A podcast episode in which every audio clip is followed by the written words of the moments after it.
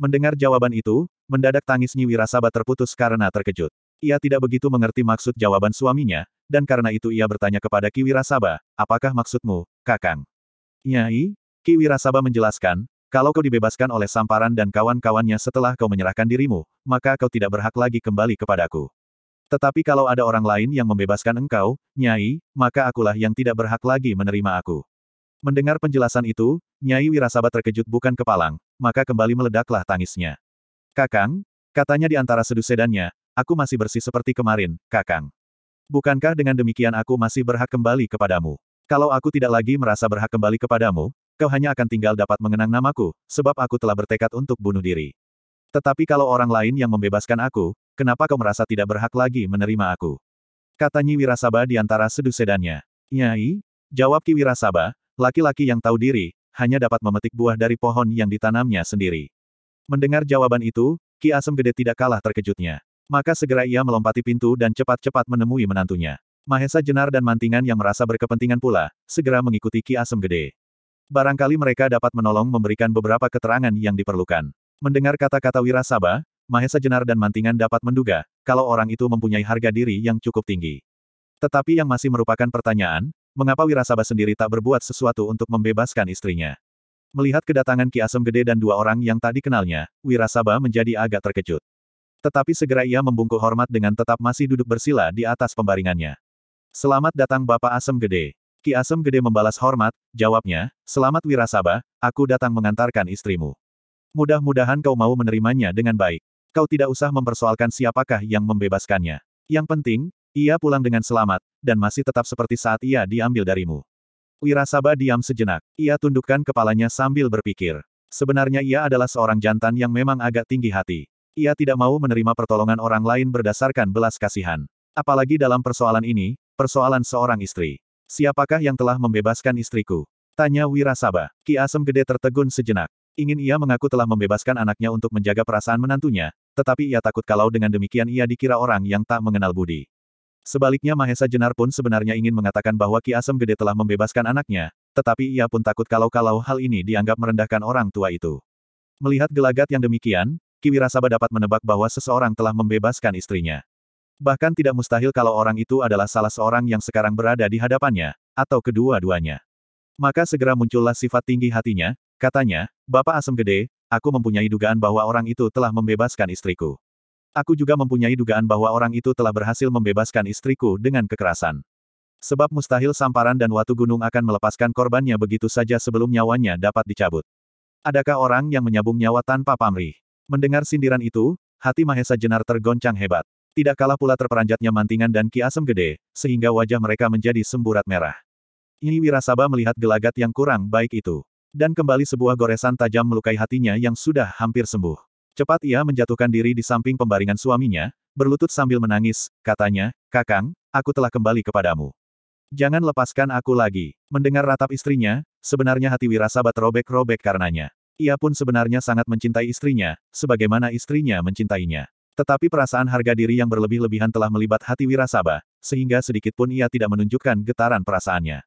Mata Wirasaba yang sayu memandang keluar lewat jendela di samping pembaringannya. Memandang daun-daun yang bergoyang-goyang digerakkan angin, serta kilatan-kilatan matahari yang jatuh bertebaran di atas tanah pegunungan yang kemerah-merahan. Suasana kemudian dikuasai oleh kesepian yang tegang. Mahesa Jenar mengeluh dalam hati. Kutuk apakah yang ditimpakan Tuhan atas dirinya, sehingga ia mengalami suatu kejadian yang demikian rumitnya. Haruskah pada suatu saat ia berhadapan dengan Wirasaba sebagai lawan? Kalau demikian, maka menang atau kalah ia akan tetap sama saja. Sama-sama mengalami penderitaan batin. Kalau Mahesa Jenar kalah, maka kekalahan itu tak akan dapat dilupakannya seumur hidupnya. Sebaliknya kalau ia menang, bagaimanakah nasib Nyai Wirasaba? Sebab dengan demikian Ki Wirasaba pasti tidak akan mau menerimanya kembali. Bahkan mungkin ia akan membunuh dirinya. Belum lagi Mahesa Jenar menemukan jalan keluar, tiba-tiba didengarnya Wirasaba berkata, Nyai, aku akan menerima kau kembali sebagaimana kau terlepas dari tangan samparan. Suara Wirasaba itu terdengar sebagai gemuruhnya seribu guntur yang menggelegar bersama-sama. Suasana menjadi bertambah tegang. Peluh dingin telah mengalir di seluruh tubuh Mahesa Jenar. Apa yang diduganya ternyata benar-benar terjadi. Sampai saat itu pun ia masih belum dapat menemukan suatu pilihan. Bagaimanapun, sebagai seorang laki-laki ia tidak bisa menelan tantangan itu begitu saja. Sehingga dengan demikian tubuhnya menjadi gemetar menahan perasaannya yang melonjak-lonjak. Hampir saja ia melangkah maju dan menerima tantangan itu. Tetapi ketika dilihatnya Nyai Wirasaba masih menangis, bahkan makin menjadi-jadi, ia kembali ragu-ragu. Akhirnya setelah perasaannya berjuang beberapa lama, Mahesa Jenar mengambil suatu keputusan yang sangat berat. Sebagai seorang laki-laki, apalagi sebagai seorang yang berjiwa prajurit, ia belum pernah menghindari suatu tantangan. Tetapi kali ini bertekad, berkorban buat kedua kalinya, untuk ketentraman hidup Putri Ki Asem Gede. Karena itu ia berdiam diri, tanpa mengucapkan sepatah kata pun. Ki Asem Gede menjadi kebingungan, dan tidak tahu apa yang seharusnya dilakukan. Ia pun mempunyai pikiran yang sama dengan Mahesa Jenar. Kalau saja Mahesa Jenar menerima tantangan itu, Mahesa Jenar bukanlah tandingan Wirasaba. Bagaimanapun hebatnya menantunya, tetapi setinggi-tingginya yang dapat dicapainya adalah tingkat dalang mantingan. Apalagi dalam keadaan seperti sekarang ini. Belum lagi suasana yang tegang itu terpecahkan, mendadak mereka dikejutkan oleh suatu bayangan yang melayang, meloncat masuk lewat jendela yang terbuka di samping pembaringan Wirasaba. Geraknya cepat dan lincah sekali. Mereka menjadi semakin terperanjat ketika mereka melihat siapakah orang itu. Ternyata orang yang telah berdiri tegak di antara mereka adalah Samparan. Pengecut tua, teriaknya sambil menuding wajah Ki Asem Gede, kau curi anakmu dengan laku seorang perempuan. Aku telah merampasnya dengan kejantanan. Aku telah melukai dua orang murid Wirasaba yang menghalangi maksudku. Seharusnya kau ambil perempuan itu dengan laku seorang jantan pula. Nah, sekarang aku datang untuk mengambilnya kembali. Melihat tingkah laku, sikap dan kata-kata samparan, Ki Asem Gede terkejut bukan kepalang. Apalagi yang mau diperbuat oleh setan kecil ini. Sedangkan Mantingan mempunyai tanggapan lain. Mungkin kawanan Lawa Ijo telah datang untuk menuntut balas atas kematian Watu Gunung dengan mempergunakan samparan sebagai umpan. Lain pula dengan Kiwi Rasaba. Melihat kedatangan samparan dan mendengar kata-katanya, matanya menjadi berkilat-kilat. Seakan-akan suatu cahaya terang memancar di dalam jiwanya. Samparan, sahut Wirasaba, kau pun tidak berlaku jantan. Kau tidak mengambil istriku dari tanganku. Kau hanya berani melayani anak-anak yang baru dapat meloncat-loncat tak berarti. Kalau benar katamu, Bapak Ki Asem Gede mengambil istriku, Bapak Asem Gede ingin mengembalikan keadaan seperti semula. Nah, sekarang, kalau kau inginkan istriku, ambillah ia dari tanganku dengan laku seorang jantan. Samparan tertawa dingin, jawabnya, kau bermaksud demikian. Ki Wirasaba tertawa nyaring. Wajahnya kini menjadi cerah seperti cerahnya matahari. Mahesa Jenar yang berotak cerdas segera menangkap arah persoalannya. Diam-diam ia memuji kelincahan otak Samparan. Tetapi lebih dari itu, ia kagum maksud baik Samparan, meskipun dengan tindakannya itu ia menghadapi kemungkinan yang berat sekali. Kau telah mengundang orang-orang ini untuk melindungi istrimu. Tanya Samparan dengan nada menghina. Wirasaba yang tinggi hati, segera merasa tersinggung. Dengan marahnya ia menjawab, Samparan, mulutmu terlalu lancang. Aku belum kenal mereka keduanya. Mereka datang bersama-sama Bapak Asem Gede. Urusan ini adalah urusanku dengan kau. Jadi kau dan akulah yang harus menyelesaikan. Kembali Samparan tertawa dingin. Wirasaba, jangan kau mimpi akan masa lampau. Memang beberapa tahun yang lalu kau merupakan seorang tokoh yang mempunyai nama cemerlang. Sebutanmu cukup menggetarkan. Tetapi dengan kakimu yang lumpuh sekarang ini, kau menjadi sebatang seruling gading yang telah retak. Mahesa Jenar dan Mantingan terperanjat dua kali lipat. Ternyata Wirasaba adalah orang yang terkenal dengan sebutan seruling gading. Seorang tokoh penggembala yang tak ada tandingannya di antara mereka. Kekuatan tubuhnya dan kepandaiannya meniup seruling merupakan suatu paduan yang sudah ditemukan. Tetapi seruling gading itu kini sudah lumpuh. Dan kata-kata samparan itu juga merupakan jawaban atas teka-teki yang selama ini selalu membelit pikiran Mahesa Jenar dan Mantingan. Karena kelumpuhannya itu pula lah agaknya, maka Wirasaba tak berbuat sesuatu untuk membebaskan istrinya. Mendengar ejekan samparan itu, hati Wirasaba menjadi terbakar. Ia sudah hampir tak dapat menguasai kemarahannya. Cepat tangannya meraih senjatanya dari bawah bantalnya. Sebuah kapak bertangkai yang panjangnya kira-kira hampir sedepa. Kalau kau tidak membawa senjata, samparan, kau boleh meminjam senjata-senjataku. Manakah yang kau sukai? Kata Wirasaba sambil menunjuk ke sudut ruang. Pada dinding yang ditunjuk itu bergayutan bermacam-macam senjata. Kapak, tombak, pedang, keris dan sebagainya. Perlahan-lahan samparan berjalan ke sudut ruang tempat senjata itu tergantung. Dengan tenangnya ia mulai menimang-nimang senjata itu satu demi satu. Wirasaba, katanya, alangkah banyaknya jenis senjatamu sebagai pertanda kebesaran namamu. Hanya saja tak satu pun sebenarnya yang cukup berharga kau pergunakan. Tetapi baiklah aku mencoba tombak pendekmu ini untuk melayani kapakmu yang terkenal itu. Wirasaba menjadi bertambah marah mendengar celaan itu, sehingga kemudian ia tidak sabar lagi. Ia telah bersiap dan menggeser tubuhnya ke tepi pembaringan. Samparan yang telah mendapatkan pilihan senjata di antara sekian banyak macam senjata yang tergantung di sudut ruang itu pun segera mempersiapkan diri. Ki Asem Gede dan Mantingan segera mengetahui pula maksud Samparan. Itulah sebabnya mereka berdiri termangu-mangu penuh kekhawatiran akan keselamatan Samparan. Tetapi Samparan berdiri tenang-tenang saja, meskipun ia tahu pasti tingkat ketinggian ilmu Wirasaba. Samparan, Mulailah. Wirasaba menggeram tidak sabar lagi. Samparan memperdengarkan suara tertawa yang hambar dan dingin. Sebentar ia memandang wajah Mahesa Jenar yang dikagumi. Sorot matanya memancar aneh, sebagai sorot mata anak-anak yang dilepas dari pelukan bapaknya yang akan pergi berperang. Tetapi sekejap kemudian Samparan segera meloncat dengan lincahnya, sambil memutar tombaknya menyerang Wirasaba. Mahesa Jenar melihat segala gerak Samparan dengan terharu. Ia memandang Samparan sebagai seorang anak yang telah hilang, dan kini sedang berusaha untuk kembali ke pangkuan kebenaran. Samparan sedang berjuang untuk menebus segala dosa yang pernah dilakukan. Samparan mulai dengan sebuah tusukan ke arah dada Wirasaba. Sebenarnya gerak Samparan cukup lincah dan mantap. Hanya sayang bahwa ia tidak dapat menyelaraskan gerakan-gerakan kaki dengan tangannya. Sedangkan Wirasaba ternyata memang seorang yang berilmu cukup tinggi. Meskipun ia tidak dapat mempergunakan kakinya, tetapi dengan gerak tangannya yang tampaknya tidak banyak membuang tenaga, ia dapat menangkis serangan-serangan Samparan, sehingga tusukannya meleset ke samping. Bahkan sekaligus ia siap menghantam lengan samparan dengan tangkai kapaknya. Cepat samparan menarik serangannya, dan selangkah meloncat ke kiri. Kembali mata tombak samparan akan mematuk lambung lawannya. Namun Wirasaba cukup cekatan. Dengan tenaganya, ia memutar kapaknya untuk menangkis serangan tombak samparan itu. Demikianlah, pertarungan itu semakin lama semakin bertambah sengit. Samparan telah mengeluarkan hampir segenap ilmunya untuk menundukkan lawannya. Sedangkan Wirasaba, bagaimanapun hebatnya, namun karena ia hanya mampu menangkis serangan lawannya dan hanya mampu menyerang dalam jarak yang sangat terbatas, maka tampaklah ia mulai terdesak. Untunglah bahwa ia memiliki sepasang tangan yang kuat dan cekatan, sehingga pada saat-saat yang sangat berbahaya ia masih berhasil membebaskan dirinya dari ujung tombak samparan. Mahesa Jenar, Mantingan dan Ki Asem Gede, yang menyaksikan pertarungan itu, mengikuti dengan perasaan yang tegang. Berbagai macam gambaran membayang di kepala masing-masing. Kali ini pun mereka diliputi oleh kecemasan-kecemasan yang sangat tak menyenangkan.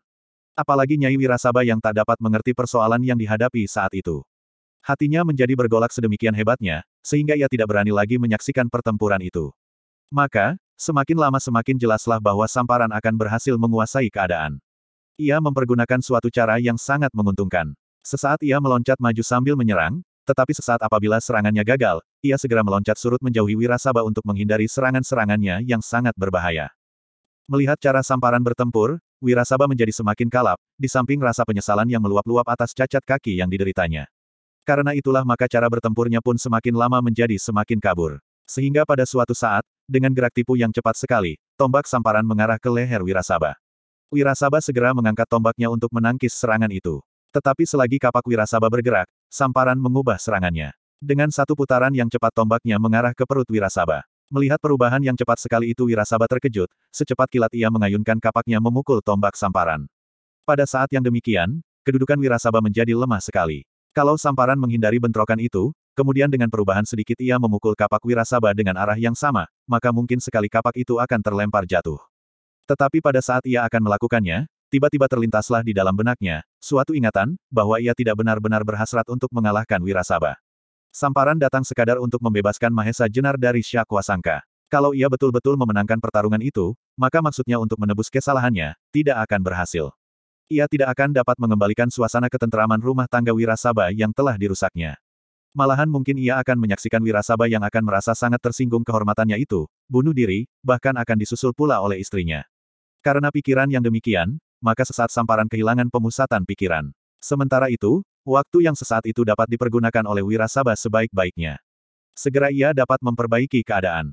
Dengan suatu gerakan yang dahsyat, kapaknya mengayun ke arah kepala Samparan. Samparan tersadar tepat pada saatnya. Tetapi ia tidak lagi dapat menghindar. Segera disilangkannya tombak pendeknya untuk menangkis kapak Wirasaba. Maka terjadilah suatu benturan yang hebat. Ternyata tenaga Wirasaba luar biasa kuatnya. Juga tombak Wirasaba yang dipergunakan Samparan adalah tombak pilihan yang tak terpatahkan oleh kekuatan Wirasaba sendiri. Tetapi tenaga samparanlah yang tak dapat menandingi kekuatan-kekuatan itu, sehingga tangan yang memegang tombak itu tergetar hebat, dan tombak itu meleset lepas dari pegangannya. Mereka yang menyaksikan kejadian itu darahnya serasa terhenti. Sebab kelanjutannya tentu akan mengerikan sekali. Mahesa Jenar yang sudah dapat meramalkan apa yang akan terjadi, hampir saja meloncat maju untuk mencegahnya. Untunglah segera ia sadar, bahwa kalau ia berbuat demikian, akibatnya akan sangat tidak menyenangkan bagi dirinya maupun bagi ketenteraman hati Wirasaba. Maka yang dapat dilakukannya hanyalah mengharap suatu keajaiban sehingga apa yang ditakutkan itu tidak terjadi. Tetapi rupanya tidak demikianlah yang terjadi. Tombak samparan yang disilangkan itu berhasil menyelamatkan kepalanya, tetapi kapak wirasaba yang terayun demikian derasnya dan digerakkan oleh kekuatan yang luar biasa itu, tidak seberapa mengalami perubahan arah. Maka terjadilah suatu goresan panjang merobek dada samparan. Terdengarlah suatu keluhan yang tertahan. Samparan terhuyung-huyung surut beberapa langkah. Dari lukanya menyembur darah yang merah segar. Mahesa Jenar, Mantingan dan Ki Asem Gede tergoncang hatinya melihat peristiwa itu. Telah berapa puluh kali mereka melihat darah yang mengucur dari luka, tetapi jarang mereka mengalami kejadian seperti ini. Wirasaba yang tidak mengetahui latar belakang dari peristiwa itu, memandang samparan dengan tak berkedip. Dari wajahnya memancar perasaan puas dan dendam sedalam lautan. Ia merasa bahwa dengan demikian telah terbalaslah sebagian rasa sakit hatinya, dan ia merasa bahwa tak ada hutang budi kepada siapa pun juga. Oh, dua, samparan, yang dadanya terbelah, masih berusaha sekuat sisa tenaganya untuk keluar dari ruangan itu. Kedua tangannya ditekankan pada dadanya yang terluka itu. Mahesa Jenar memandangnya dengan penuh haru. Cepat ia menyusul, diikuti oleh mantingan dan Ki Asem Gede. Tepat sampai di luar pintu, rupanya samparan sudah tidak dapat lagi menguasai keseimbangan badannya. Untunglah bahwa Mahesa Jenar cepat menangkapnya, ketika ia hampir saja terjatuh. Dan dengan perlahan-lahan samparan diletakkan di atas tanah. Meskipun lukanya sangat membahayakan, tetapi wajah samparan sama sekali tak menunjukkan rasa sakit. Bahkan dengan tenangnya ia memandang Mahesa Jenar, Matingan dan Ki Asem Gede berganti-ganti. Kemudian dengan tersenyum ia berkata, Ki Asem Gede, Ki Dalang Mantingan dan Ki Sanak Mahesa Jenar, aku sudah berusaha untuk mengurangi kesalahanku. Ki Asem Gede mengangguk-angguk, jawabnya, puaskanlah hatimu. Nah sekarang biarlah aku mencoba menyembuhkan luka-lukamu. Tak ada gunanya, Ki Asem Gede, jawab samparan sambil menggelengkan kepalanya, dengan suara sangat pelan. Biarlah aku coba, desak Ki Asem Gede, meskipun ia sendiri sudah melihat, bahwa hampir tak ada kemungkinan untuk mengobati luka samparan itu. Kembali samparan memaksa dirinya tersenyum dan menggeleng perlahan-lahan. Kisanak Mahesa Jenar, desahnya kemudian, sebelum aku mati, baiklah aku katakan kepadamu suatu rahasia yang ingin kau ketahui. Bukankah sekarang aku tidak perlu takut kepada lawa ijo dan kepada siapa pun? Kau mau mendengar? Mahesa Jenar segera merapatkan dirinya. Lalu jawabnya, aku ingin mendengar, samparan. Tetapi sekarang bukan waktunya. Kau terlalu banyak mengeluarkan darah, karena itu kau harus beristirahat. Samparan menarik nafas dalam-dalam. Waktuku tinggal sedikit. Dengarlah. Menurut Watu Gunung, Lawa Ijo sekarang berada di Pasiraman. Sebuah telaga kecil di seberang hutan Mentaok. Desa tempat tinggalnya itu pun bernama Desa Pasiraman pula. Desa itu terletak tepat di tepi hutan. Agak ke barat sedikit terdapatlah hutan yang hampir dipenuhi oleh pohon pucang, sehingga hutan itu disebut alas pucang kerap, kata Samparan. Samparan berhenti sebentar. Terdengar arus nafasnya semakin cepat. Beristirahatlah Samparan, desak Mahesa Jenar, keterangan itu sudah cukup bagiku. Samparan berusaha untuk menggeleng. Belum cukup. Di sana Lawa Ijo sedang menggembleng diri. Ia sedang berusaha untuk memulihkan luka-lukanya yang dideritanya ketika ia sedang berusaha mencuri pusaka-pusaka di keraton Demak lanjut Samparan sangat lemah. Mahesa Jenar agak terkejut mendengar keterangan itu. Kalau demikian, Lawa Ijo inilah yang pernah dilukainya dahulu, pikir Mahesa Jenar. Usaha Lawa Ijo untuk memulihkan diri, ternyata sekarang sudah berhasil, sambung samparan hampir berbisik-bisik, ia selalu berada dalam pengawasan gurunya. Aku belum pernah bertemu dengan gurunya itu, tetapi seperti apa yang digambarkan oleh Watu Gunung, aku dapat membayangkan bahwa gurunya itu adalah seorang iblis yang jarang ada duanya. Mahesa Jenar menjadi tertarik pada cerita samparan, sehingga ia lupa bahwa ia berhadapan dengan seorang yang luka berat. Maka desaknya tidak sabar, siapakah nama gurunya itu? Ia adalah seorang yang mempunyai kesaktian luar biasa. Namanya Pasing Singan. Pasing Singan. Ulang Mahesa Jenar. Terkejutnya bukan alang kepalang. Ia pernah mendengar nama itu dari gurunya, baik She Siti Jenar maupun Ki Ageng Pengging Sepuh. Tetapi tokoh ini sama sekali tak digambarkan sebagai seorang tokoh yang aneh dan sakti. Tetapi yang didengarnya, Pasing Singan adalah seorang yang luhur budi. Seorang penolong yang tak pernah memperkenalkan wajah aslinya, karena ia selalu memakai topeng.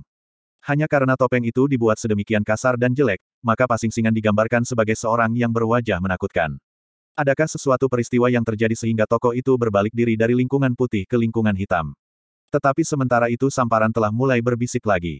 Beberapa waktu yang lalu, Lawa Ijo pernah dilukai oleh seorang senapati Demak, waktu ia sedang berusaha untuk mendapatkan pusaka. Mendengar cerita ini Mahesa Jenar semakin tertarik. Kisanak, dalam lingkungan golongan hitam terdapat suatu kepercayaan, bahwa barang siapa memiliki sepasang pusaka yang mereka perebutkan, adalah suatu pertanda bahwa orang itu akan dapat merajai seluruh golongan hitam. Dengan demikian akan cukup kekuatan dan dukungan bila pada suatu saat mendirikan suatu pemerintahan tandingan yang kekuasaannya akan dapat menyaingi kekuasaan Demak. Suara samparan menjadi semakin perlahan-lahan, tetapi masih cukup jelas. Sedangkan Lawa Ijo, atas petunjuk pasing-singan, akan mencuri langsung pusaka asli, yang menurunkan sepasang pusaka yang diperebutkan itu, lanjut samparan. Apakah wujud dan nama pusaka-pusaka itu? Tiba-tiba Ki Asem Gede menyela. Samparan menarik nafas untuk mengatasi denyut jantungnya yang semakin memburu. Pusaka-pusaka itu berupa keris.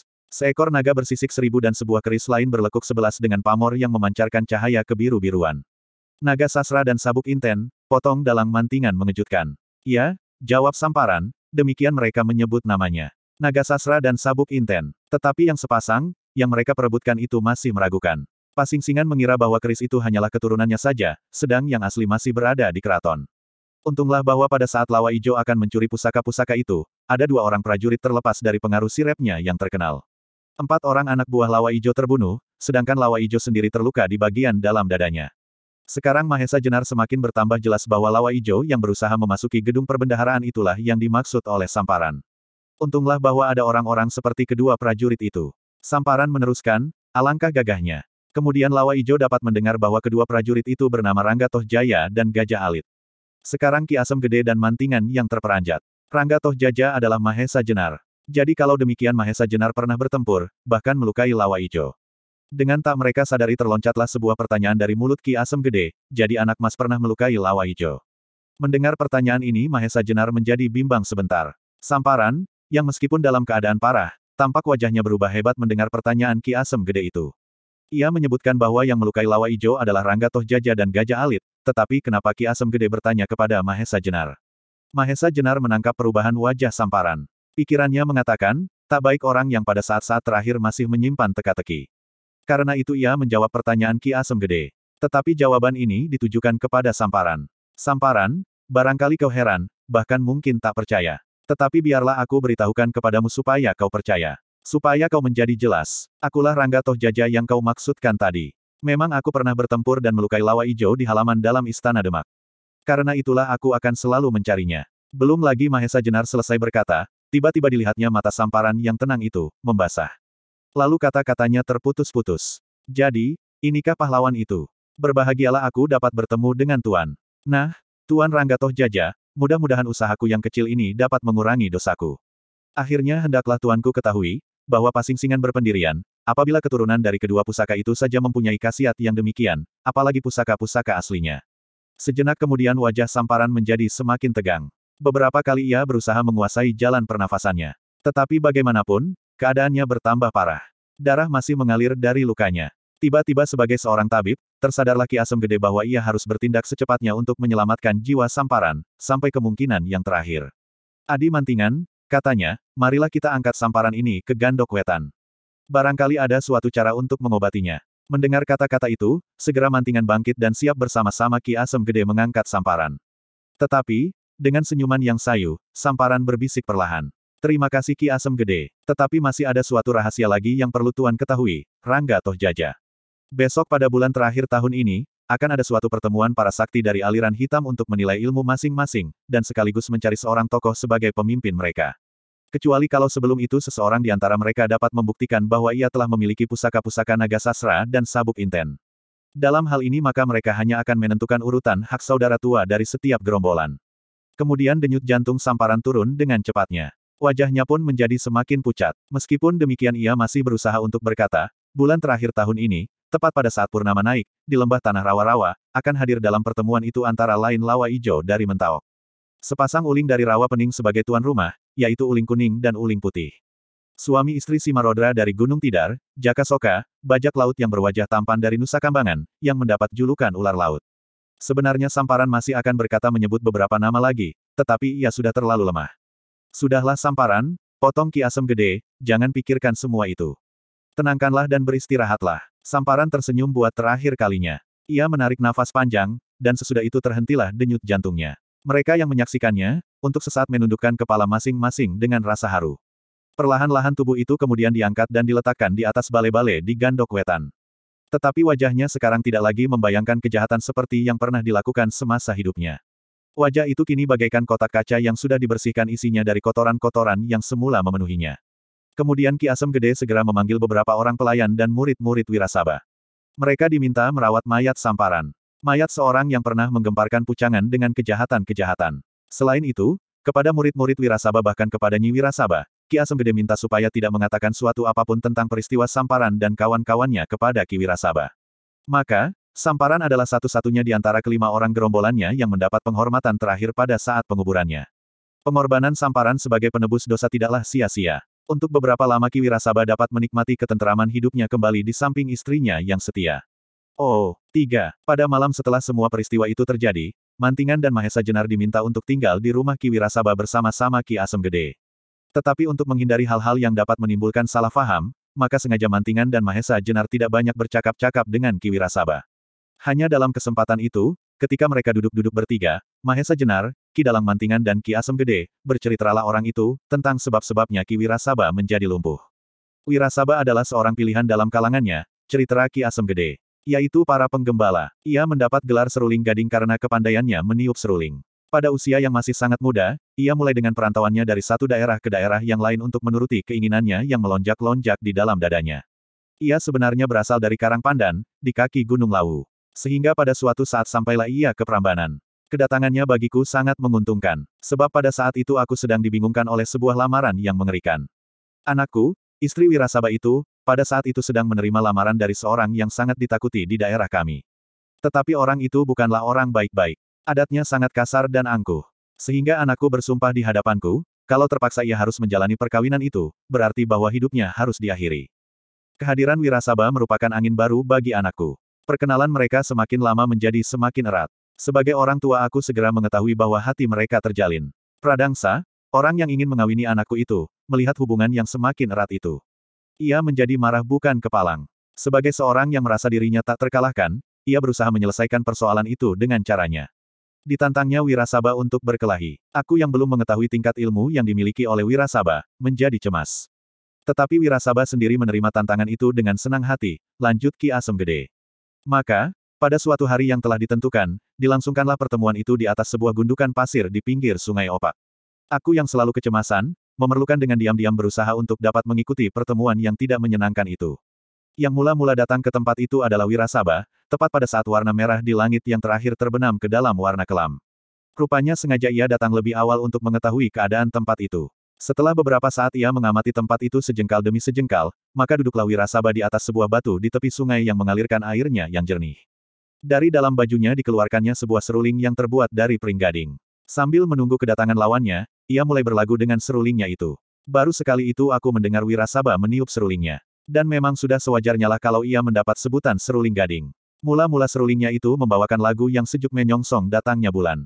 Nadanya seperti silirnya angin senja. Kemudian lagu itu menurun makin dalam, tetapi sesaat kemudian melonjak riang, seriang wajah gadis yang menyongsong datangnya kekasih. Sesaat kemudian berubahlah lagu Wirasaba mendendangkan kisah cinta. Sambil menatap wajah bulan, ia berlagu dengan lembutnya. Tetapi sebentar kemudian ia meloncat berdiri. Sedang serulingnya masih saja berlagu. Dipandangnya tenang-tenang Candi Jonggrang sebagai lambang keagungan cinta yang tiada taranya. Kesanggupan yang maha besar, yang dilahirkan karena cinta. Candi Jonggrang yang mengagumkan itu dapat diciptakan hanya dalam waktu satu malam, sebagai suatu usaha raksasa untuk memenuhi tuntutan cinta. Maka beralunlah seruling Wirasaba dengan lembut dan mesra. Seakan-akan ia mengungkapkan suatu cerita rakyat tentang cinta abadi antara Bapak Angkasa dan Ibu Pertiwi. Dan karena itulah maka lahir segala isi bumi ini. Wirasaba sebagai lazimnya penggembala, tiada dapat terpisah dari serulingnya. Sahabat pada saat-saat sepi, pada saat-saat binatang gembalanya asyik bermain di padang rumput. Karena itulah maka setiap lagu yang dipancarkan dari serulingnya, selalu melukiskan kisah yang terjalin di hatinya. Sebagai seorang yang hidup bebas di padang-padang terbuka, dalam berlagu pun Wirasaba ternyata tidak mau terikat pada gending-gending yang sudah ada. Lagunya menjangkau jauh melampaui batas gending-gending yang dirasanya terlalu miskin untuk mengungkapkan seluruh perasaannya. Karena itu lagunya bebas terlontar tanpa ikatan. Namun demikian dapat melukiskan segenap warna dalam jiwanya. Tetapi, ketika ia sedang asyik tenggelam dalam lagunya, tiba-tiba terdengarlah suara tertawa yang merobek-robek kehusukan lagu yang hampir sampai ke puncak keindahannya. Aku segera mengenal suara itu. Suara Pradangsa. Kali ini rupanya ia ingin memperlihatkan kesaktiannya dengan menyalurkannya lewat suara tertawanya yang mengerikan. Cepat-cepat aku berusaha untuk tidak hanyut ke dalam pengaruhnya. Tetapi di samping itu aku pun menjadi cemas kembali. Wirasaba memang seorang ahli meniup seruling. Tetapi Pradangsa bukanlah seorang penggemar lagu. Ia adalah seorang yang kasar dan hanya dapat menghargai kekuatan tenaga. Bukan kemesraan dan kelembutan. Apalagi ternyata suara tertawa itu tidak segera berhenti. Tetapi gelombang demi gelombang terdengar seperti susul menyusul. Seperti datangnya ombak lautan segulung demi segulung menghantam tebing. Dalam kecemasanku itu, tiba-tiba aku dikejutkan lagi oleh suara seruling Wirasaba. Tetapi setelah itu aku menjadi bersyukur. Bahkan aku menjadi berbangga hati. Suara seruling yang mesra lembut itu segera berubah melengking tajam. Kemudian Wirasaba berteriak penuh kemarahan karena cintanya terganggu. Yang sama sekali tak aku duga, adalah bahwa kemarahan Wirasaba yang dilontarkan lewat nada-nada serulingnya itu pun ternyata mengandung pengaruh yang luar biasa pula. Maka kemudian seakan-akan terjadilah benturan dahsyat antara suara tertawa pradangsa dengan nada-nada seruling. Wirasaba yang sebentar melonjak, naik tajam, dan kemudian turun menukik kembali, lalu menggelegar seperti guru yang dengan penuh kemarahan menghantam gunung. Karena benturan itulah maka seolah-olah tercapailah suatu keseimbangan, sehingga kedua suara itu semakin lama semakin lirih, semakin lirih. Bahkan akhirnya keduanya berhenti dengan sendirinya. Tepat pada saat suara itu berhenti, meloncatlah sebuah bayangan dari seberang, dengan tangkasnya dari batu ke batu menyeberangi sungai opak. Dari geraknya yang cepat dan tangkas, sudah dapat dikira sampai di mana kekuatan tenaganya. Belum lagi Pradangsa menjejakkan kakinya di tepian, mulutnya sudah mendahului berteriak dengan suara gunturnya. Hai anak cengeng, rupanya kau hanya mampu menjadi seorang penipu seruling. Itu saja kau hanya bisa membawakan lagu-lagu cengeng seperti apa yang baru saja kau lakukan. Wirasaba adalah seorang yang tinggi hati. Mendengar dirinya disebut anak cengeng, segera bangkitlah kesombongannya. Memang, aku hanya mampu melakukan lagu-lagu cengeng. Lagu-lagu cinta dan kasih. Tetapi aku adalah orang yang tahu diri. Sekali dua kali aku pernah bercermin, meskipun hanya di permukaan air. Maka sadarlah aku bahwa wajahku jauh lebih tampan daripada wajahmu yang kasar itu. Karena itulah aku berhak melakukan lagu cinta dan kasih. Tidak saja lagu maut seperti yang kau miliki satu-satunya. Pradangsa adalah seorang yang kasar dan sombong. Ia tidak pernah menerima hinaan yang sampai sedemikian. Karena itu segera darahnya naik ke kepala. Setan, makinya semakin kasar, aku tidak pernah menyesal bahwa wajahku kasar dan jelek. Tetapi dengan tenaga yang aku miliki, aku mampu berbuat apa pun. Aku mampu memperistri setiap perempuan yang aku kehendaki. Nah, kau sekarang mencoba mengganggu kebiasaanku itu. Karena itu bersediakah untuk mati? Wirasaba tidak mau banyak bicara lagi. Diselipkannya seruling pringgadingnya ke dalam bajunya. Kau hanya mau berbicara saja. Potongnya. Pradangsa bergumam di dalam mulutnya, dan kemudian kembali ia tertawa nyaring. Tetapi suara tertawanya terputus ketika Wirasaba membentak. Aku tidak banyak waktu, bersiaplah. Pradangsa pun rupanya juga menganggap bahwa waktunya telah tiba. Karena itu ia pun segera bersiap. Dengan tidak banyak lagi persoalan, segera mereka terlibat dalam sebuah perkelahian. Dalam bagian permulaan nampak bahwa Wirasaba dapat melayani Pradangsa dengan baik, seperti suara serulingnya yang mengimbangi suara tertawa lawannya. Geraknya cukup cekatan. Tetapi yang masih meragukan, apakah ia dapat mengimbangi tenaga raksasa yang dimiliki oleh Pradangsa. Dalam setiap perkelahian, Pradangsa hampir tidak pernah menghindarkan diri dari setiap serangan. Tetapi, setiap serangan itu selalu dibenturnya dengan serangan pula, sebab ia sangat percaya pada kekuatannya. Demikian pula agaknya pada saat itu. Pradangsa sama sekali tidak menghindarkan diri ketika Wirasaba menyerangnya dengan dahsyat. Rupanya Pradangsa mengira bahwa Wirasaba hanya mampu meniup serulingnya saja. Memang bentuk tubuh Wirasaba tidaklah sebesar Pradangsa. Tetapi apa yang telah terjadi? Pada saat itu, ketika Pradangsa membalas serangan Wirasaba yang dahsyat, ternyata dalam tubuh Wirasaba yang tidak sebesar lawannya itu tersimpan suatu tenaga yang hebat sekali, yang sama sekali tak diduga oleh Pradangsa. Sedangkan Pradangsa sendiri adalah seorang yang memiliki tenaga raksasa pula. Tetapi ternyata, Wirasaba yang telah sekian kali merantau, menjelajahi beberapa daerah, memiliki pengalaman yang lebih banyak. Sedangkan Pradangsa hanyalah seorang tokoh lokal yang telah mencapai puncak kekuatannya. Ia sudah merasa tak terkalahkan. Memang Pradangsa adalah seorang kuat atas pemberian alam. Maka ketika terjadi benturan itu, tampaklah betapa picik pengetahuan Pradangsa. Ia hanya memusatkan tenaga serta perhatiannya pada kedua belah tangannya. Dengan sepenuh tenaga yang ada padanya menghantam tangan Wirasaba yang menyerang dadanya. Ia sama sekali tidak menduga bahwa pada sekejap sebelum benturan itu terjadi, Wirasaba mengubah serangannya dengan menarik tangan kirinya. Ketika tangan kanannya membentur tangan Pradangsa, ibu jari tangan kirinya sempat mengetuk leher Pradangsa itu. Akibat benturan itu pun sangat hebat sekali. Bagaimanapun uletnya Wirasaba, ia tergetar surut. Demikian juga Pradangsa, terdorong mundur. Karena ketukan jari pada lehernya, Pradangsa merasa bahwa nafasnya menjadi sesak. Inilah sumber kekalahan Pradangsa. Sebab dalam perkelahian seterusnya, Pradangsa selalu diganggu oleh peredaran nafasnya yang semakin lama terasa semakin sesak dan sakit. Meskipun demikian, Pertempuran itu masih juga berlangsung lama. Mereka tampaknya seperti dua ekor ular yang saling berlilitan dan timbul tenggelam di antara lawannya. Tetapi sampai sekian, kepastian dari akhir pertempuran itu sudah jelas. Sebab Wirasaba jauh berpengalaman. Apalagi ia bertempur tidak saja dengan tenaganya, tetapi juga dengan otaknya. Sedangkan Pradangsa hanyalah mirip seekor babi yang terlalu percaya pada kekuatannya. Meskipun ia memiliki kelincahan, namun dalam beberapa saat kemudian ia sudah benar-benar dikuasai oleh serangan-serangan Wirasaba yang menjadi semakin keras. Akhirnya Pradangsa menjadi semakin terdesak. Dan tampaklah bahwa pertempuran itu sudah hampir selesai. Tetapi tiba-tiba terjadilah suatu hal yang sangat mengejutkan. Ketika Pradangsa merasa bahwa ia tidak mampu mengalahkan lawannya, dilakukannya suatu kelicikan.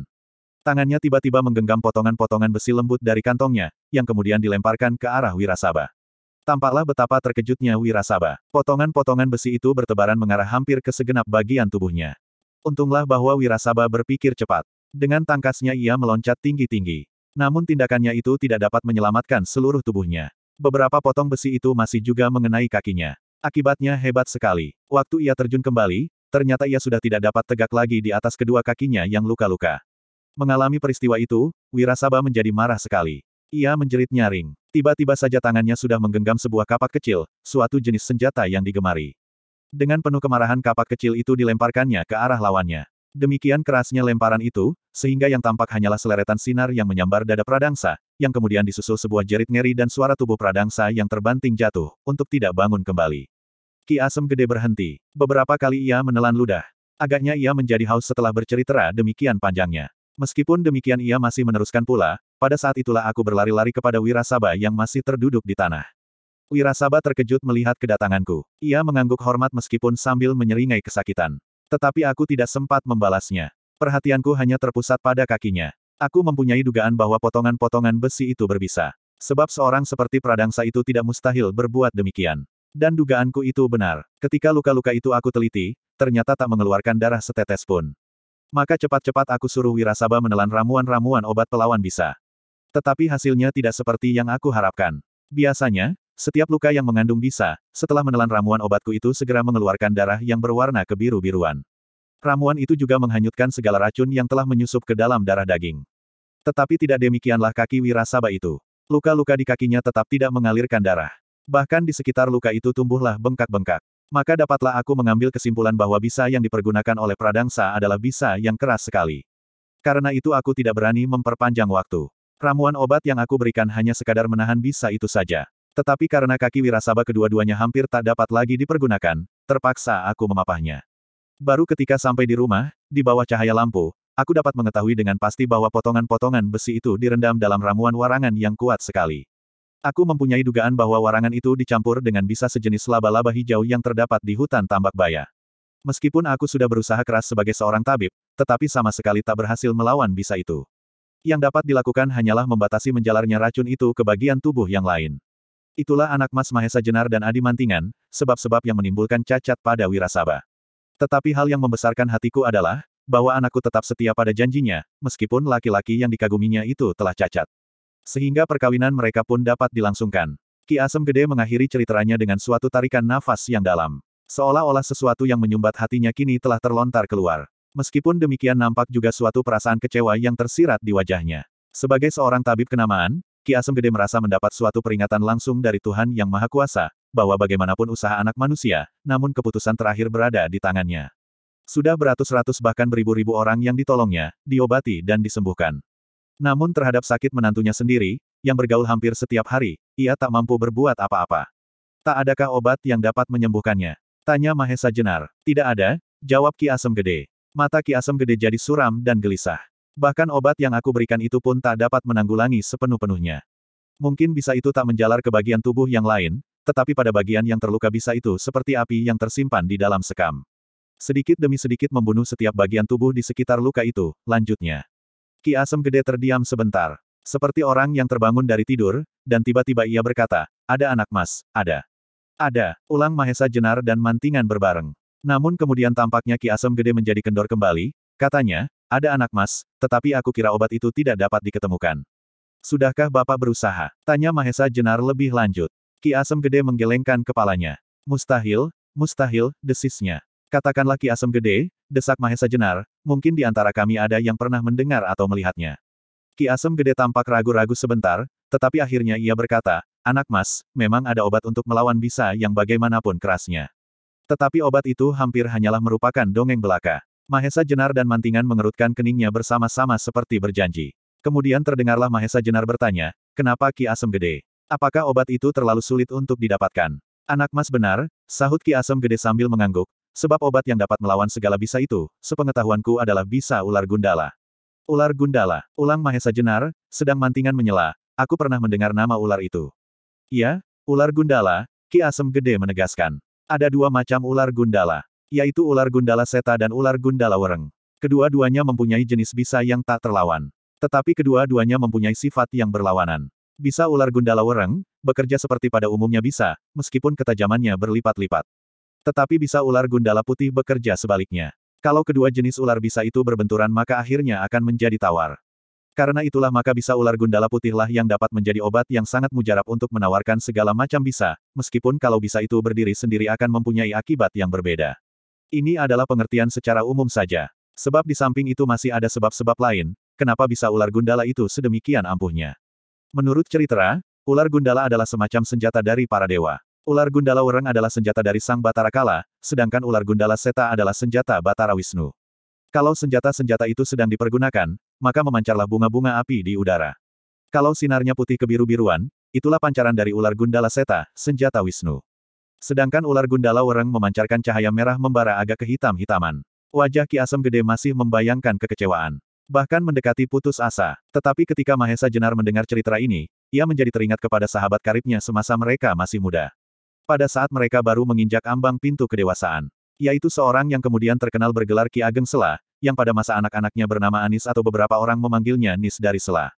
Sela adalah seorang yang luar biasa. Geraknya cepat melampaui kilat. Bahkan sampai beberapa orang mengatakan bahwa ia mewarisi kecepatan bergerak ayahnya yang juga bergelar Ki Ageng Sela, yang menurut cerita dapat menangkap petir. Pada suatu kali, ketika Ki Ageng Sela sedang menyepi di tepi sendang Jalatunda, tiba-tiba ia disambar oleh semacam sinar putih kebiru-biruan. Untunglah bahwa ia dapat bergerak cepat luar biasa, sehingga ia dapat menghindari sambaran sinar itu. Bahkan ia masih juga sempat menangkapnya. Tetapi demikian tangannya menyentuh benda itu, terkejutlah ia bukan kepalang. Sebab pada saat itu tangannya terasa telah menangkap seekor binatang yang bulat panjang. Untunglah bahwa sebelumnya ia pernah mendengar cerita tentang seekor ular yang pandai terbang dan bercahaya. Ular yang diceritakan menjadi penggembala hujan. Maka secepat kilat benda yang ditangkapnya itu sebelum sempat menggigitnya, dibantingnya ke tanah. Adalah suatu keuntungan bahwa binatang itu tidak dihantamkan pada sebatang pohon atau batu. Sebab kalau demikian, binatang itu pasti akan remuk. Saat itu, ia dapatkan binatang itu masih utuh, meskipun terbenam lebih dari sejengkal ke dalam tanah. Kemudian bangkai ular itu diambilnya. Ternyata ular itu adalah seekor ular yang aneh. Panjangnya dibanding dengan besarnya dapat dikatakan terlalu pendek. Sisiknya berwarna putih mengkilap agak kebiru-biruan. Pada bagian kepalanya tergoreslah semacam lukisan jamang, sedangkan pada ujung ekornya melingkarlah warna kuning kemasan. Maka, ketika ular aneh itu dibawa pulang, terlihatlah binatang itu oleh Ki Ageng Warana. Melihat bangkai ular itu, Ki Ageng Warana terperanjat, apalagi ketika ia mendapat keterangan dari Sela. Maka segera orang tua itu minta izin kepada Sela untuk mengambil bisanya. Sela yang menganggap binatang itu hanya sebagai barang yang aneh, sama sekali tidak keberatan. Ia tidak mengira kalau karena itu ia mendapat semacam obat yang tak ada bandingnya. Obat penawar segala macam bisa yang bagaimanapun tajamnya. Racun dari bisa binatang maupun tumbuh-tumbuhan.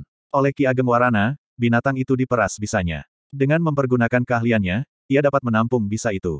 Kemudian dengan berbagai ramuan, bisa itu berhasil dipadatkan. Tetapi hanya tinggal kecil sekali, hanya kira-kira sebesar biji kacang tanah. Biji sari bisa ular ajaib itu dihadiahkan kepada Ki Ageng Sela. Meskipun Ki Ageng Warana minta sebagian kecil, Ki Ageng Sela pun sama sekali tidak keberatan. Dengan biji bisa itu, Ki Ageng Warana telah membebaskan dirinya sendiri dari berbagai macam bisa. Juga Ki Ageng Sela dan bahkan Mahesa Jenar sebagai seorang sahabat karib Nis dari Sela, mendapat kesempatan untuk menikmati khasiatnya pula. Oleh Ki Ageng Warana, biji bisa ular itu direndamnya dalam air, yang kemudian dengan mempergunakan duri yang telah direndam di dalam air itu, untuk menusuk simpul-simpul jalan darah. Dengan demikian, mereka tawar dari segala macam bisa. Mahesa Jenar sebagai sahabat paling dekat Ki Ageng Sela, tidak hanya mendapat kesempatan membebaskan diri dari segala pengaruh bisa dan racun, tetapi ia juga mendapat hadiah dari sahabatnya, sebagian dari biji bisa itu. Dengan biji bisa itu Ki Ageng Warana telah membebaskan dirinya sendiri dari berbagai macam bisa. Juga Ki Ageng Sela dan bahkan Mahesa Jenar sebagai seorang sahabat karibnis dari Sela, mendapat kesempatan untuk menikmati khasiatnya pula. Oleh Ki Ageng Warana, biji bisa ular itu direndam dalam air, yang kemudian dengan mempergunakan duri yang telah direndam di dalam air itu, untuk menusuk simpul-simpul jalan darah. Dengan demikian, mereka tawar dari segala macam bisa. Mahesa Jenar, sebagai sahabat paling dekat Ki Ageng Sela, tidak saja mendapat kesempatan membebaskan diri dari segala pengaruh bisa dan racun, tetapi ia mendapat hadiah dari sahabatnya sebagian dari biji bisa itu.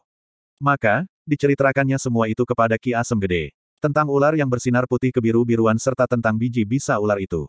Barangkali biji bisa itu dapat dipergunakan untuk mengobati kaki Wirasaba sebagaimana bisa ular Gundala Seta. Ki Asem Gede dan Mantingan mendengar cerita itu dengan penuh perhatian. Wajah Ki Asem Gede sebentar tampak berkerut, sebentar terkejut, kemudian sebentar menjadi cerah, untuk seterusnya muram kembali. Tetapi kemudian tiba-tiba jadi bersinar terang.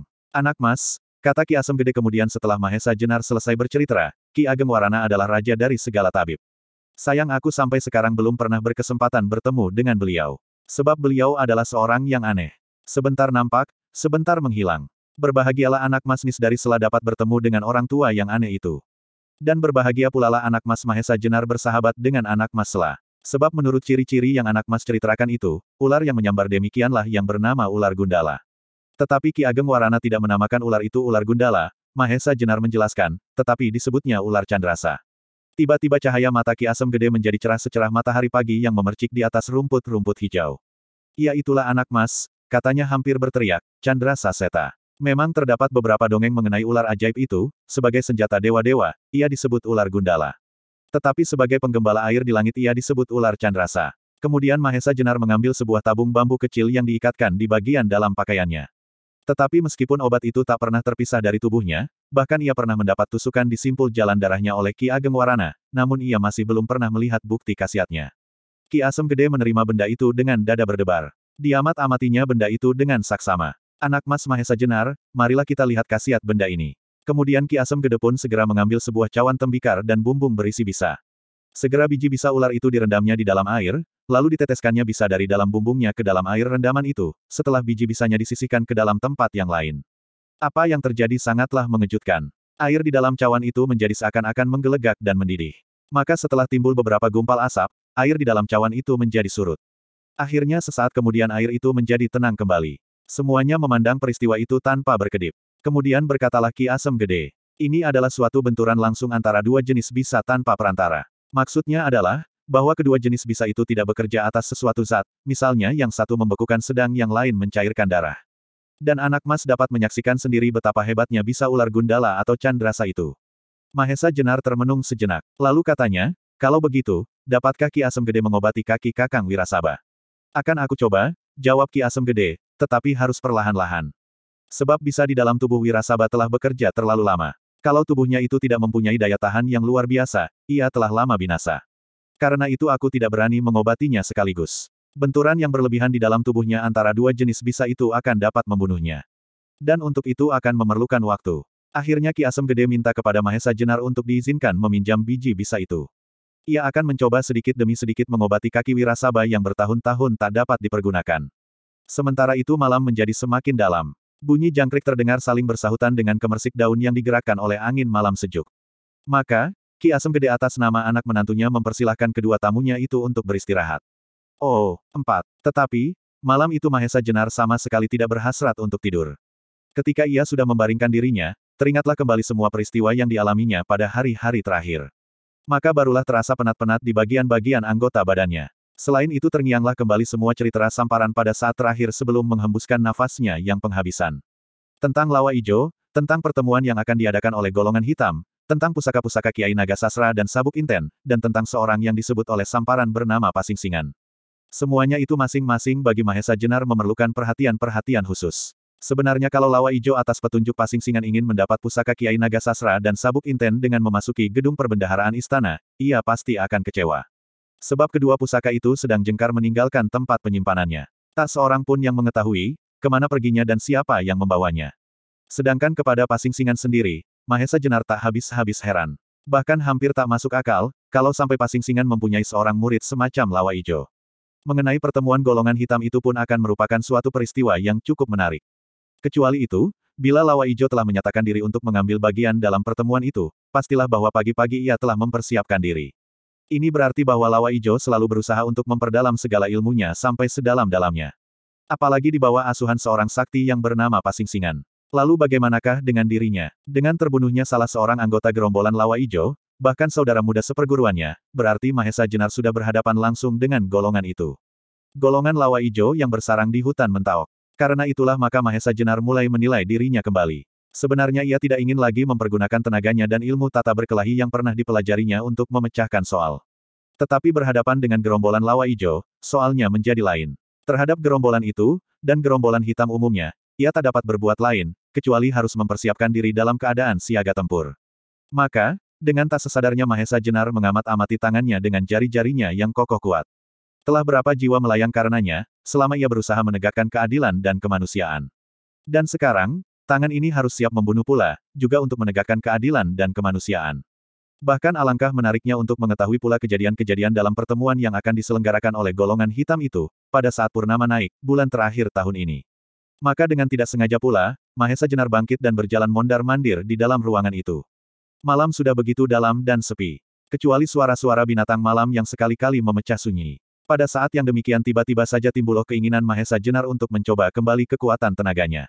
Mungkin akan berguna nanti. Kalau ada kesempatan, bukankah suatu hal yang baik sekali untuk membinasakan segala tokoh-tokoh hitam pada saat mereka berkumpul. Tetapi mereka pun bukanlah kumpulan anak-anak kecil yang dapat ditakut-takuti oleh seekor anjing yang sedang menggonggong. Belum lagi Mahesa Jenar mendapat sasaran untuk memulai, tiba-tiba didengarnya sayup-sayup suara yang bergetar panjang, mendirikan bulu Roma. Suara itu menggetarkan udara seperti getaran gelombang pantai. Bagi penduduk pucangan, suara itu memang sering terdengar. Bahkan hampir setiap malam, apabila kademangan itu telah terbenam dalam sunyi malam. Setiap penduduk kademangan yang mendengar suara mengerikan itu tubuhnya tentu akan menggigil karenanya. Tetapi sebaliknya adalah Mahesa Jenar. Mendengar suara itu tiba-tiba timbul kegembiraannya. Dengan lincahnya ia segera meloncat turun ke halaman. Untuk beberapa saat ia berdiri mendengarkan dari mana arah suara yang menggeletar itu. Mahesa Jenar merasa bahwa ia akan mendapat kawan berlatih yang baik. Maka kemudian dengan tidak berpikir panjang lagi. Segera ia meloncat dan seperti kilat berlari ke arah suara yang menarik hati itu, agak jauh di luar pedesaan. Ketika sekali lagi suara itu terdengar semakin panjang, Mahesa Jenar menjadi bertambah gembira, sehingga ia semakin mempercepat langkahnya.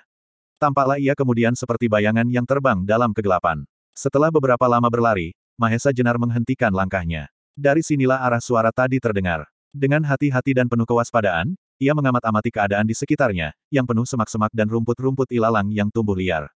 Tiba-tiba telinga Mahesa Jenar yang tajam menangkap suara berdesir dari dalam semak-semak itu. Cepat ia membalikkan diri ke arah suara itu, dan bersiaga. Apa yang dicari, kini telah muncul dari balik batang-batang ilalang. Mahesa Jenar tersenyum, ketika dilihatnya seekor harimau loreng sangat besar, hampir sebesar kerbau, memandangnya dengan keheran-heranan. Matanya yang kehijau-hijauan memancar seperti lentera yang menyorot kepadanya. Untuk beberapa saat harimau itu berdiri mematung. Agaknya harimau itu heran, manusia manakah yang telah mengantarkan dirinya sendiri untuk menjadi santapan malamnya. Ketika harimau itu perlahan-lahan maju ke depan, darah Mahesa Jenar berdesir juga. Alangkah besar dan garangnya, dan dengan tidak sesadarnya, kembali Mahesa Jenar mengawasi tangannya serta jari-jarinya yang kokoh kuat. Dan pada telapak tangan Mahesa Jenar, seolah-olah terbayang apa yang pernah terjadi pada saat terakhir, sebelum gurunya melenyapkan diri dan kemudian ternyata wafat. Pada saat ia mendapat warisan ilmu yang sebenarnya sangat hebat. Suatu ilmu yang dapat dikatakan tersimpan di tangan Mahesa Jenar. Sebab kalau ia ingin menerapkan ilmu itu, haruslah dipergunakan sisi telapak tangannya. Meskipun pada dasarnya ilmu itu mempergunakan kekuatan jasmaniah, tetapi tidaklah demikian seluruhnya. Bertahun-tahun Mahesa Jenar melatih diri meyakinkan ilmu itu, yang mempergunakan unsur-unsur gerak pendahuluan sepuluh macam. Sebelum itu ia masih harus membiasakan keadaan jasmaniahnya. Setiap pagi dan sore menghantamkan sisi telapak tangannya pada bermacam-macam benda. Dari pasir, kayu, sampai ke batu. Sepuluh unsur gerak pendahuluan itu hanyalah sekadar patokan untuk menekan lawannya sampai sedemikian rupa sehingga pada saat yang terakhir di mana keadaan sudah memungkinkan, dilontarkanlah pukulan dengan sisi telapak tangan. Tetapi pukulan itu tidak akan memenuhi harapan, bila saat itu tidak dibarengi dengan suatu kekuatan batin yang luar biasa besarnya, serta pemusatan tenaga. Inilah sebenarnya yang sulit dilaksanakan. Untuk dapat melakukan ini semua, Mahesa Jenar harus bekerja keras beberapa tahun lamanya. Latihan-latihan itulah yang sangat terasa berat. Pada taraf permulaan Mahesa Jenar harus melatih mengatur pernafasan, kemudian pemusatan pikiran dan terakhir menggabungkan segenap kekuatan lahir batin. Semua itu untuk disalurkan lewat sisi telapak tangannya. Dalam pelaksanaannya tidaklah mesti sepuluh unsur gerak itu dilakukan berurutan. Tetapi unsur yang hanya sekadar merupakan patokan yang dapat dibolak-balik, diambil beberapa bagiannya saja menurut kebutuhan. Bahkan dapat dimasuki dan digabungkan dengan unsur-unsur gerak yang lain. Setelah Mahesa Jenar menjalani semua latihan-latihan itu, hasilnya sangat hebat. Tangan Mahesa Jenar, bila dikehendaki seolah-olah dapat berubah menjadi palu besi yang sangat berat. Tetapi meskipun demikian, sampai saat itu Mahesa Jenar belum pernah mempergunakan ilmunya itu untuk melawan sesama manusia. Ia baru mencoba menghantam hancurkan kayu dan bahkan batu. Tetapi terhadap sesama manusia, Mahesa Jenar masih belum sampai hati mempergunakannya. Sebab, akibatnya dapat dibayangkan. Namun sekarang Mahesa Jenar merasa berhadapan dengan lawan yang tak dapat diabaikan. Apalagi Lawa Ijo adalah murid Pasing Singan. Lebih-lebih kalau Pasing Singan sendiri ikut campur dalam urusan ini. Karena itu, Mahesa Jenar memutuskan, bahwa ia harus mempersiapkan ilmunya itu. Ilmu yang pernah dipelajarinya dengan sungguh-sungguh dan bersusah payah. Dan sekarang, ia mendapat sasaran yang tepat. Seekor harimau loreng yang sangat besar sekali, yang pasti sangat mengganggu penduduk di sekitar daerah ini. Sebab seekor harimau yang hampir sebesar kerbau ini tentu akan senang menangkap ternak para petani. Meskipun kekuatan jasmania harimau sebesar itu, jauh berlipat dari kekuatan jasmania manusia biasa, Mahesa Jenar yakin bahwa ia akan dapat mengatasinya, dengan ilmunya yang oleh gurunya disebut sasra birawa. Sementara itu, Mahesa Jenar segera tersadar oleh suara gemesik kaki harimau yang berdiri tidak jauh di hadapannya. Harimau itu telah merunduk sangat rendah, dan siap menerkam. Dengan mengaum keras, harimau itu dengan garangnya meloncat akan menerkam Mahesa Jenar. Kedua kaki depannya menjulur hampir lurus dengan tubuhnya. Kuku-kukunya yang tajam siap merobek-robek mangsanya. Sedang taring-taringnya yang tajam runcing, menyeringai. Mengerikan sekali. Tetapi Mahesa Jenar adalah seorang yang telah terlatih baik untuk menghadapi setiap kemungkinan dan segala macam bahaya. Maka ketika dilihatnya harimau itu meluncur menerkamnya, dengan cekatan Mahesa Jenar merendahkan diri dan meloncat ke samping. Harimau itu kembali mengaum dengan hebatnya. Rupanya ia sangat marah ketika mangsanya terlepas dari terkamannya. Tetapi selama harimau itu masih mengapung di udara, ia sama sekali tak dapat mengubah geraknya. Ketika harimau itu mendarat di tanah, ia menjadi terkejut sekali. Tidak saja karena sasarannya telah menghindarkan diri, tetapi juga karena tiba-tiba saja terasakan sesuatu yang menghantam punggungnya, dan bahkan seperti melekat dengan eratnya. Mahesa jenar ketika telah berhasil menghindarkan diri, maka tepat pada saat harimau itu menjejakkan kakinya di atas tanah, dengan kecepatan luar biasa Mahesa jenar meloncat ke atas punggung harimau itu, dan menghantamnya sekali. Seterusnya kedua tangannya dengan eratnya berpegangan pada leher harimau itu. Tetapi harimau adalah binatang yang mempunyai kekuatan yang luar biasa. Pantaslah kalau disebut Raja Hutan. Apalagi seekor harimau yang sedang marah, seperti yang sedang dihadapi oleh Mahesa Jenar. Harimau itu menggeliat dengan sepenuh tenaga untuk melepaskan pegangan Mahesa Jenar. Tetapi Mahesa Jenar dengan eratnya mencengkeram leher harimau itu, sehingga tangan itu tidak terlepas. Akhirnya harimau yang sudah mencapai puncak kemarahannya itu meloncat tinggi. Setelah terjun kembali, segera menjatuhkan diri dan bergulingan di tanah. Bagaimanapun eratnya pegangan Mahesa Jenar, tetapi mengalami hal yang demikian tak urung tangannya terlepas juga. Bahkan ia terlempar ke samping, sampai beberapa langkah dan jatuh berguling-guling. Untunglah bahwa Mahesa Jenar memiliki keuletan yang luar biasa. Demikian Mahesa Jenar jatuh terguling beberapa kali, segera ia meloncat dan tegak kembali tepat pada saatnya. Sebab pada saat itu, harimau yang marah itu telah siap kembali menerkam. Tetapi setelah mengalami kegagalan, rupanya harimau itu mendapat suatu pengalaman, bahwa dengan suatu terkaman dari jarak yang jauh, ia tak berhasil menguasai mangsanya. Maka kali ini harimau itu tidak lagi merunduk lalu meloncat. Perlahan-lahan tetapi pasti, harimau itu mendekati lawannya. Mahesa Jenar bertambah berhati-hati melihat perubahan sikap harimau itu. Untuk melawan langsung seekor harimau sangatlah berbahaya. Kuku-kukunya serta gigi-gigi yang tajam itu dapat merobek kulitnya. Maka diputuskannya untuk segera mengakhiri perkelahian. Maka, segera ia bersikap. Tanpa mempergunakan unsur-unsur pendahuluan untuk menekan lawannya. Ia berdiri di atas satu kakinya, menghadap langsung pada harimau itu. Satu kaki lainnya diangkat dan ditekuk ke depan. Sebelah tangannya menyilang dada, sedangkan tangan kanannya diangkat tinggi-tinggi. Cepat-cepat ia mengatur peredaran nafasnya, memusatkan pikiran dan menyalurkan segala kekuatan lahir dan batin ke sisi telapak tangannya. Maka ketika harimau itu mengaum dahsyat, serta dengan garangnya menerkamnya, Mahesa Jenar pun telah siap dan terdengar ia berteriak nyaring. Ia memutar kaki yang diangkatnya itu setengah lingkaran dan membuat satu loncatan kecil ke samping. Berbareng dengan itu, tangan kanannya terayun deras sekali menghantam tengkuk harimau itu. Akibatnya adalah dahsyat sekali. Harimau itu mengaum lebih keras lagi dibarengi dengan gemeretak tulang patah. Sekejap kemudian harimau itu melenting tinggi, dan sesaat lagi terdengarlah gemuruh tubuhnya jatuh ke tanah, tidak bergerak lagi selama-lamanya. Harimau itu mati karena patah tulang lehernya oleh kekuatan tangan Mahesa Jenar yang telah mempergunakan ilmu sasra birawa. Sesaat kemudian malam menjadi sunyi kembali. Yang terdengar, kecuali tarikan nafas Mahesa Jenar, adalah suara-suara binatang malam dan belalang bersahutan. Di langit, bintang-bintang gemerlapan, seperti permata yang ditaburkan di atas selembar permadani biru kelam. Dengan tajamnya Mahesa Jenar mengawasi lawannya yang sudah tidak bernyawa lagi itu. Ia dapat sedikit berbangga hati, bahwa sampai sekarang ia mendapat kebahagiaan untuk memiliki ilmu gurunya yang dahsyat itu. Seandainya yang dikenai itu manusia biasa, maka dapatlah dibayangkan, bahwa manusia itu akan hancur lebur tanpa sisa. Belum lagi Mahesa Jenar puas menikmati kemenangannya, tiba-tiba terdengarlah suara gemesik ilalang di belakangnya. Cepat-cepat ia memutar tubuhnya dan segera bersiaga. Tetapi ketika ia melihat siapakah yang berdiri di belakangnya, ia menjadi terkejut bukan kepalang. Kalau misalnya Lawa Ijo yang berada di situ, ia tidak akan seterkejut pada saat itu. Ternyata yang berdiri di belakangnya, dengan wajah cerah, secerah bintang yang gemerlapan di langit, adalah Nyai Wirasaba. Dalam beberapa saat Mahesa Jenar tidak dapat mengucapkan sepatah kata pun, sedang Nyai Wirasaba tertunduk malu. Tetapi kemudian, Mahesa Jenar berhasil menguasai perasaannya, dan dengan sedikit tergagap ia bertanya. Nyai Wirasaba, kedatangan Nyai sangat mengejutkan aku.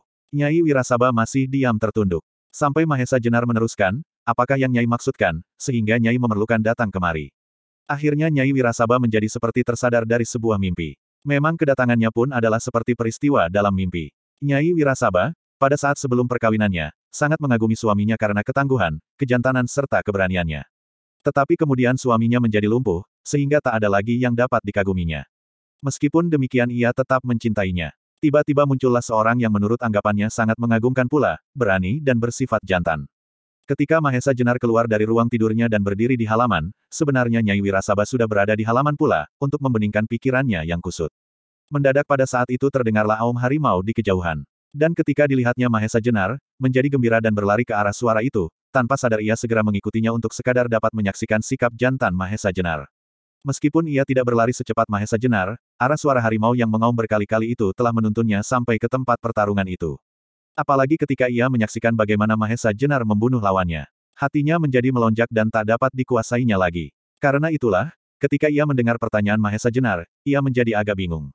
Tetapi kemudian dijawabnya juga dengan penuh kejujuran. Aku tidak tahu, kenapa aku kemari. Tidak tahu, sahut Mahesa Jenar heran. Ya, aku tidak tahu. Mungkin hanyalah terdorong oleh keinginanku menyaksikan suatu peristiwa yang dapat mengungkat kembali suatu kenang-kenangan yang indah pada masa muda.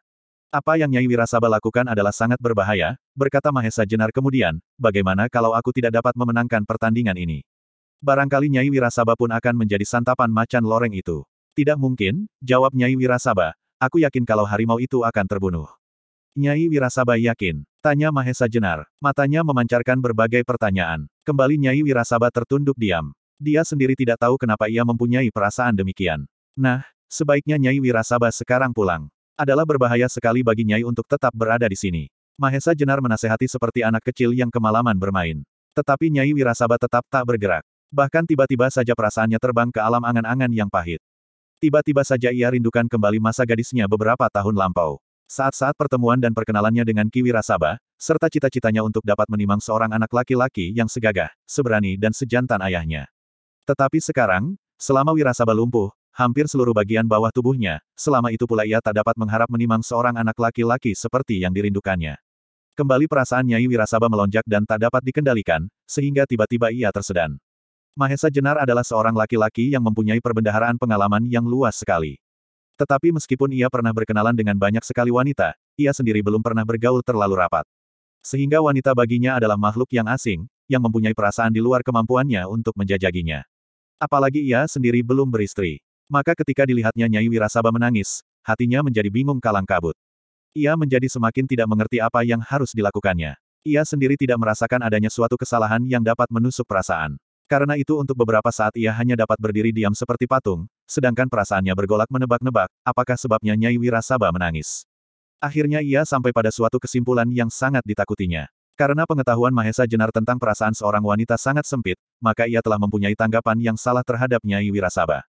Karena itulah ia bertambah cemas. Katanya dengan suara gemetar, Nyai, aku telah mengorbankan harga diriku dengan tidak menerima tantangan Ki Wirasaba, sekedar untuk mengembalikan suasana ketentraman rumah tangga kalian. Dan sekarang, ketenteraman yang sudah hampir pulih kembali itu akan terganggu pula, apabila kita berdua pada malam begini berada di tempat ini. Karena itu pulanglah dan lupakanlah segala angan-angan itu. Nyai Wirasaba adalah seorang wanita yang berperasaan halus, sehalus rambut di belah tujuh. Ditambah pula sudah beberapa tahun ia meladeni suaminya yang cacat kaki, sehingga ia menjadi semakin perasa. Maka ketika ia mendengar perkataan Mahesa Jenar, ia terperanjat. Meskipun Mahesa Jenar sama sekali tak bermaksud jahat, dan perkataannya itu diucapkan dengan jujur menurut perasaannya, tetapi akibatnya seperti sembilu yang langsung membelah ulu hati Nyai Wirasaba. Sebagai seorang wanita yang dididik oleh seorang saleh seperti Ki Asem Gede, maka sudah tentu ia mementingkan sifat-sifat keutamaan seorang wanita. Di antaranya sifat setia dan bakti kepada suaminya. Dengan demikian, maka perkataan Mahesa Jenar telah menggelorakan darahnya. Ia merasa tersinggung dengan anggapan itu. Meskipun ia sangat mengagumi keperwiraan seseorang, namun ia menjadi gusar juga karena tuduhan itu. Maka dijawabnya kata-kata Mahesa Jenar itu dengan suara yang bergetar. Tuan, aku telah mengagumi keperwiraan Tuan, keberanian dan kejantanan Tuan. Dan dengan tidak sadar pula aku telah mengikuti Tuan sampai ke tempat ini untuk menyaksikan keperwiraan Tuan. Hal ini mungkin disebabkan aku terlalu mengagumi kejantanan suamiku pada masa muda kami berdua. Dengan menyaksikan kejantanan Tuan, aku mendapat suatu jembatan yang dapat menghubungkan kembali kepada kenangan masa silam. Suatu masa yang penuh dengan harapan dan cita-cita. Tetapi Tuan telah menuduh aku dengan tuduhan yang menyakitkan hatiku. Suara Nyai Wirasaba tersekat di kerongkongan oleh air matanya yang mendesak. Mendengar jawaban itu Mahesa Jenar tidak kurang terperanjatnya. Tetapi ia tetap tidak dapat mengerti, kalau demikian halnya, mengapa seorang wanita seperti Nyai Wirasaba sampai bersusah payah mengikutinya. Karena Mahesa Jenar adalah seorang yang berdada terbuka serta tidak suka menyembunyikan perasaannya, maka berkatalah ia, tetapi sampai demikian perlukah Nyai Wirasaba pergi ke tempat ini pada malam begini. Sekali lagi dada Nyai Wirasaba yang penuh itu terguncang. Ia menjadi bertambah gusar mendengar kata-kata Mahesar Jenar itu. Tetapi seperti halnya Mahesa Jenar yang tak dapat menjajagi perasaannya, Nyai Wirasaba pun tidak tahu sama sekali akan ketulusan hati Mahesa Jenar. Bahkan ia menyangka bahwa dalam kesempatan itu Mahesa Jenar ingin memancing-mancing untuk meraba-raba perasaannya. Karena itu dengan marahnya ia berkata, Tuan, aku tidak menyangka bahwa hati Tuan ternyata palsu. Maka baru sekarang aku mengerti kenapa suamiku berkata, bahwa tak mungkin seseorang menyabung nyawanya tanpa pamrih. Tetapi Tuan jangan mimpikan air mengalir ke udik. Sekarang Mahesa Jenar yang merasa dadanya terguncang. Ia tidak dapat membayangkan bahwa wanita cantik seperti Nyai Wirasaba itu dapat sedemikian marahnya sehingga mengeluarkan kata-kata yang menusuk perasaan demikian pedihnya. Karena itu, seluruh tubuh Mahesa Jenar menggigil karena ia berusaha menahan diri. Di samping itu ia mulai merasa bahwa mungkin perkataan-perkataannya telah menyinggung perasaan Nyai Wirasaba. Maka dalam kebingungan itu, ia hanya dapat berdiri terpaku seperti patung. Tak ada sepatah kata pun yang diucapkan. Sampai Nyai Wirasaba menyambung pula, Tuan, barangkali Tuan menyangka bahwa suamiku hanya dapat bermain-main dengan suatu permainan yang jelek dengan samparan. Tetapi ketahuilah Tuan, bahwa aku mengharap ia lekas sembuh. Dan sesudah itu aku tidak tahu apakah aku masih dapat mengagumi ketangkasan Tuan di hadapan suamiku. Sekali lagi dada Mahesa Jenar terguncang. Ia adalah seorang laki-laki yang mengutamakan keperwiraan seorang ksatria. Ia sudah menahan dirinya sekian lama sejak ia menerima sindiran-sindiran Wirasaba di hadapan Mantingan dan Ki Asem Gede. Seandainya Nyai Wirasaba tidak langsung menyinggung harga dirinya sebagai seorang laki-laki, mungkin ia masih dapat menahan dirinya, meskipun dadanya akan menjadi sesak. Tetapi sekarang, Nyai Wirasaba yang karena marahnya, telah langsung merendahkan harga dirinya sebagai seorang laki-laki dengan memperbandingkannya dengan Wirasaba. Karena itulah maka Mahesa Jenar tidak dapat lagi membendung aliran perasaannya yang semakin deras mendesak dan telah cukup lama tertahan. Meskipun demikian ia masih berusaha untuk menyambut tantangan itu dengan sebaik mungkin, meskipun nafasnya menjadi berdesakan. Mudah-mudahan Ki Wirasaba lekas sembuh. Dan aku akan mencoba melayaninya, meskipun barangkali aku tidak akan dapat memberi kepuasan, dan, masih banyak yang akan diucapkan Mahesa Jenar, tetapi ia tidak tahu bagaimana melakukannya. Sedangkan yang keluar dari mulutnya adalah, Nyai, kalau ada kesalahanku maafkanlah, tak ada gunanya aku lebih lama tinggal di sini. Perkenankanlah aku pergi. Tolong pamitkan kepada mereka berdua, dan lain kali aku mengharap dapat bertemu kembali. Juga kepada Kiwira Saba, sampaikan salamku, sampai bertemu apabila ia telah sembuh kembali. Belum lagi Mahesa Jenar mengucapkan seluruh kata-katanya, terdengar suara Nyai Wirasabah hampir berteriak, salahkulah kalau aku sampai datang kemari, apa pun sebabnya, karena aku seorang wanita. Kemudian di luar dugaan Mahesa Jenar, Nyai Wirasabah segera berlari meninggalkan tempat itu. Mahesa Jenar terpaku di tempatnya. Alangkah tumpulnya perasaanku. Sungguh aku tidak mengerti, apa yang baru saja terjadi. Belum lagi Mahesa Jenar menemukan jawaban, didengarnya dari arah samping suara gemesik rumput kering. Cepat ia memutar tubuhnya menghadap ke arah suara itu. Ternyata apa yang dijumpainya mengejutkannya pula. Orang yang datang itu adalah Ki Dalang Mantingan. Sesaat darah Mahesa Jenar jadi berdegupan. Kalau ada orang ketiga yang menyaksikan hadirnya Nyai Wirasaba di tempat itu, dapatlah menimbulkan bermacam-macam kemungkinan. Tetapi karena ia percaya bahwa sahabatnya itu tidak akan menjelekkan namanya, maka segera ia pun dapat menguasai dirinya kembali. Sementara itu terdengar mantingan berkata, Adimas, maafkanlah kalau kedatanganku sangat mengejutkan Adimas. Tidak, jawab Mahesa Jenar sambil menggeleng lemah, tidak seberapa kakang mantingan. Tetapi sudah lamakah kakang berada di sini? Sudah, sahut mantingan, sudah lama. Aku menyaksikan semua yang terjadi. Sejak Adimas membunuh harimau itu dengan tangan, sampai perselisihan paham yang terjadi antara Adimas dan Nyai Wirasaba. Mahesa Jenar menundukkan kepalanya sambil kembali menggeleng lemah. Kemudian katanya, aku tidak mengerti kenapa hal-hal serupa itu bisa terjadi. Kau dengar seluruh pembicaraan kami kakang. Seluruhnya, jawab mantingan, aku datang ke tempat ini bersamaan waktunya dengan Nyai Wirasaba. Kau tahu bahwa aku di sini? Tanya Mahesa Jenar lebih lanjut. Iya, sebab ketika aku mendengar aum harimau dan terbangun dari tidurku, aku tidak melihat Adimas di pembaringan. Segera aku pergi mencarinya. Ketika aku turun ke halaman, aku melihat Nyai Wirasaba sedang berlari dengan kencangnya ke arah suara harimau itu. Tentu saja aku tidak dapat membiarkan hal semacam itu. Segera aku pun pergi menyusulnya. Dan seterusnya seperti apa yang terjadi di sini. Mendengar keterangan mantingan, Mahesa Jenar menarik nafas dalam-dalam. Kemudian untuk beberapa saat mereka berdiam diri, tenggelam dalam pikiran masing-masing. Sampai kembali mantingan berkata, Adimas, sebenarnya apa yang terjadi hanyalah karena kesalahpahaman belaka. Apa pendapat Kakang tentang hal itu? Selah Mahesa Jenar, maafkanlah kalau aku katakan, bahwa tidak banyak yang Adimas ketahui tentang perasaan seorang wanita. Mantingan meneruskan, sebaliknya Nyai Wirasaba menerima keterbukaan dada Adimas itu dengan kemasgulan dan kegusaran. Sebenarnya tak ada persoalan apa-apa antara Adimas dan Nyai Wirasaba. Karena itu tak ada alasan bagi Adimas untuk tergesa-gesa pergi. Mahesa Jenar diam sejenak. Ia mencoba mencerna keterangan Kidalang Mantingan. Tetapi akhirnya kembali ia menggeleng lemah. Katanya, Kakang Mantingan, Aku kira lebih baik aku pergi. Banyak hal yang tidak menguntungkan apabila aku tetap tinggal di sini. Kakang tahu bahwa aku bukanlah seorang yang sabar dan perada untuk menerima perangsang-perangsang yang dapat membakar perasaanku. Aku juga masih belum tahu apakah Wirasaba sudah puas dengan kematian Samparan. Kembali mereka berdiam diri. Udara malam yang lembab di daerah pegunungan mengalir di bawah arus angin perlahan-lahan.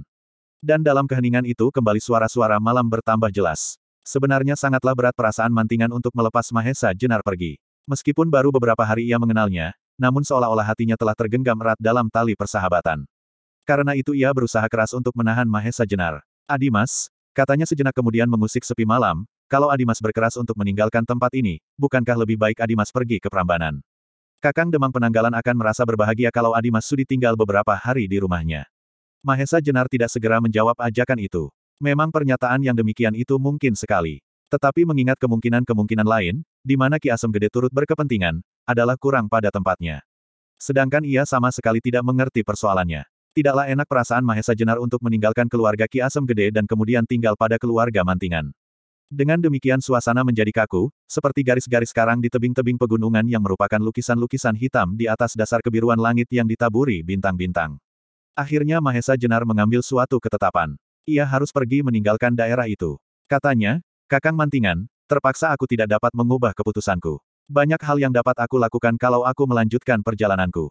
Mungkin aku dapat menemukan sarang lawa ijo di hutan mentauk atau gerombolan orang-orang berkuda yang membuat upacara-upacara aneh dengan mengorbankan gadis-gadis itu. Sampai sekian Mantingan sudah menduga bahwa sulitlah baginya untuk tetap menahan Mahesa Jenar. Sementara itu Mahesa Jenar meneruskan, Kakang Mantingan, meskipun aku bukan lagi seorang prajurit, namun aku masih tetap ingin mengabdikan diriku. Sebab pengabdian yang sebenarnya tidak harus melulu ditujukan kepada raja, tetapi sebenarnya lah bahwa pengabdian harus ditujukan kepada rakyat.